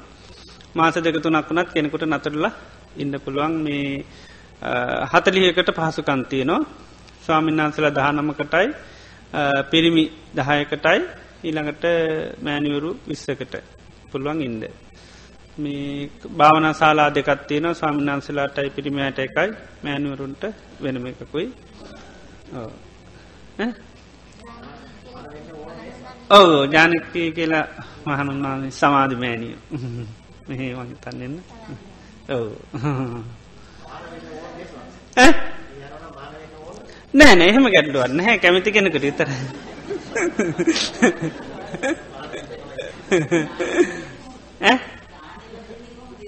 ඔක්කොම මේම කරන එතන දායක සභාව ඔක්කෝම චීනාය. ඒ අයිතින් ඔක්කෝම සරසල දෙනවා. මොකුත් අය කරන්නේ නෑ ඉන්න මාස දෙක තුන්නද ඔක්කොම ඒකටිය සපේල දෙනවා. කෑම බීම ඔක්කෝම මේව කල දෙන කට්ටිය මහිතන්නේ දාන වාර බාරාරගෙන සමාරු ගැනල දෙනවා. නැත්තං ස්ථානත් සකස් කරන වෙනම දාන ශලාවත් තියනවා. එක වෙනම තියෙනෙක ඉඩමක. මේ එතන ඉන්න යෝගී අය යොක්කොම එක තුලා දානයමත් හදාගන්න ඇති. මන්ද? මං අකර තැබ්බකට මුන්දන්න වුණා. එතන හිටිය ලොකු සාමීන් වහන්සේ මයි ගොඩාක් හිතවත්ත ලංකාවේ අමාත්‍යක එකට හිටියා. මේ චීන කෙනෙක්කයා මැනසින් ජාතික. ඉතින් මේ අපේ ආරන්නේ ගිහිල්ල කාලයක් හිටිය. එනකොට මේ උන්වහන්සේ මාවත් ලොක සාන්නසලාගෙන් අවසර ඇරන් ඇරං ආව. මේ මට තොට අවුරුදු විසිතුනක් වගේ වයස. මේ ඊට පස්සේ මැලේසියාවට ආවට මේ සිංගප්පුරු හර ආවේ. වීසගන්න ඇතුව තමයි ඒ සාමින්නාස එක් කරනාමකද දන්න ඇතුව මැලේසියාවෙන් කැනෙ බෝඩ්‍රයෙන් විස ගහ ගණඩ පුළුවන් කියලා. ඉතින් පරණ මේකත් තියෙන්ට තිස්සර චනත මහන්ල හිටි හින්ද ඒ දෙයක් දැනගන්න ඇතු ම බෝඩ්රේටම රංාව ඊට පස්ස ඉතින් ඉතිනින් අන්ඩ දුන්න ද ඒ පෝන එක අපිට තියෙන කන්නේ මැලේසින් අයට විතර ඊට පස්සමන් සිංගපපුරුටයි ගිහිල්ලා විසා ගණ්ඩ කියලා මේම කර. නමුත් ඒකට දැනගෙන හිටියන ඒ ඉල්ලන ඉල්ලන ඒ වෙලා විල්ලනකට තමයි පොටෝ ඉල්ලනුට පොටෝ ගින්දෙන ඕගේ වුණ. අන්තිමට විස ගණ්ඩ බැරිවුණ ඉතින් ඊට පස ම ලංකාවට ආය ඇඩියා ඉති උන්වහන්සේ ගිහිල්ල ඊට පස්සේ අලුතෙම ඉඩමක් කරගේ සනසක මල්ලි අරන්දිල ආරණ්‍යයක් පාවන මධ්‍යස්ථානයක් හැදවා. අදලා ඉතින් ඊට පස්ස මම වරින්වර වැඩ හිටිය මාස පහක් එකසරයක් හිටිය. ඒදල තම බලංගොඩටත් ගිය. බලංගොඩ මං හිටිය මුල්කොටියත් එහෙ දායක තමයි හදල දුන්නේ. ඉතින් කාලයක් ඇසුරු කරගෙන හෙම හිටිය. මේ ඉතින් මේ ගියවුරුද්දේ නම වෙනිදා උන්වහන්සේ ජනවාරි නම වෙනිදා මේ හදිස්සේම ලංකාවෙත්තෙන්ට ඔක්කොම සෝදානන් කරලා තිබෙන මේ ඇවිල්ල යන්න මේ අපවත් වන නිවමෝනියාව හැදිලා උන හැදිලා. අවුරුදු පනස්තුන වැඩි වයසක් නෑ. ඊට පස්සේ ඉතින් මේ මේ මම තමයි අර ගොඩක් දායකොත් එක්ක හිතවත් හිටි තිය නිසා අය මේ මට පොඩ්ඩක් බලන්ඩ ස්ථාන පැවරුව. ඇති මම ඒත් මාස ගානක්ම ගිය නැහැ. තින් පසුව මේක ටික ටික ටික කැනේ පිරිහෙන මේ කත් තිබුණ. ඊට පස්සෙති මම ගේ වස්කාල ගිහිල්ලා. ඉතින් උදව් පදව් ටිකක් කරන මමක දර ස්ථානයක් වසයෙන් භාරගන්ඩ ලංකායවත් ලැබෙච්චි ගොඩාක් ඒව භාරගත්තම නැහැ. ලොකු සන්නසල කියලවත් ගොඩක් ඒව භාරගත්තන ඇති මේක මේ පොඩ්ඩක් අර සාමන්නාන්සේ ගොඩක් මහන්සිෙන් හදප එකක්කින්ද මම පොඩ්ඩක් ඒකට උදව් කරනවා ඉතින්ද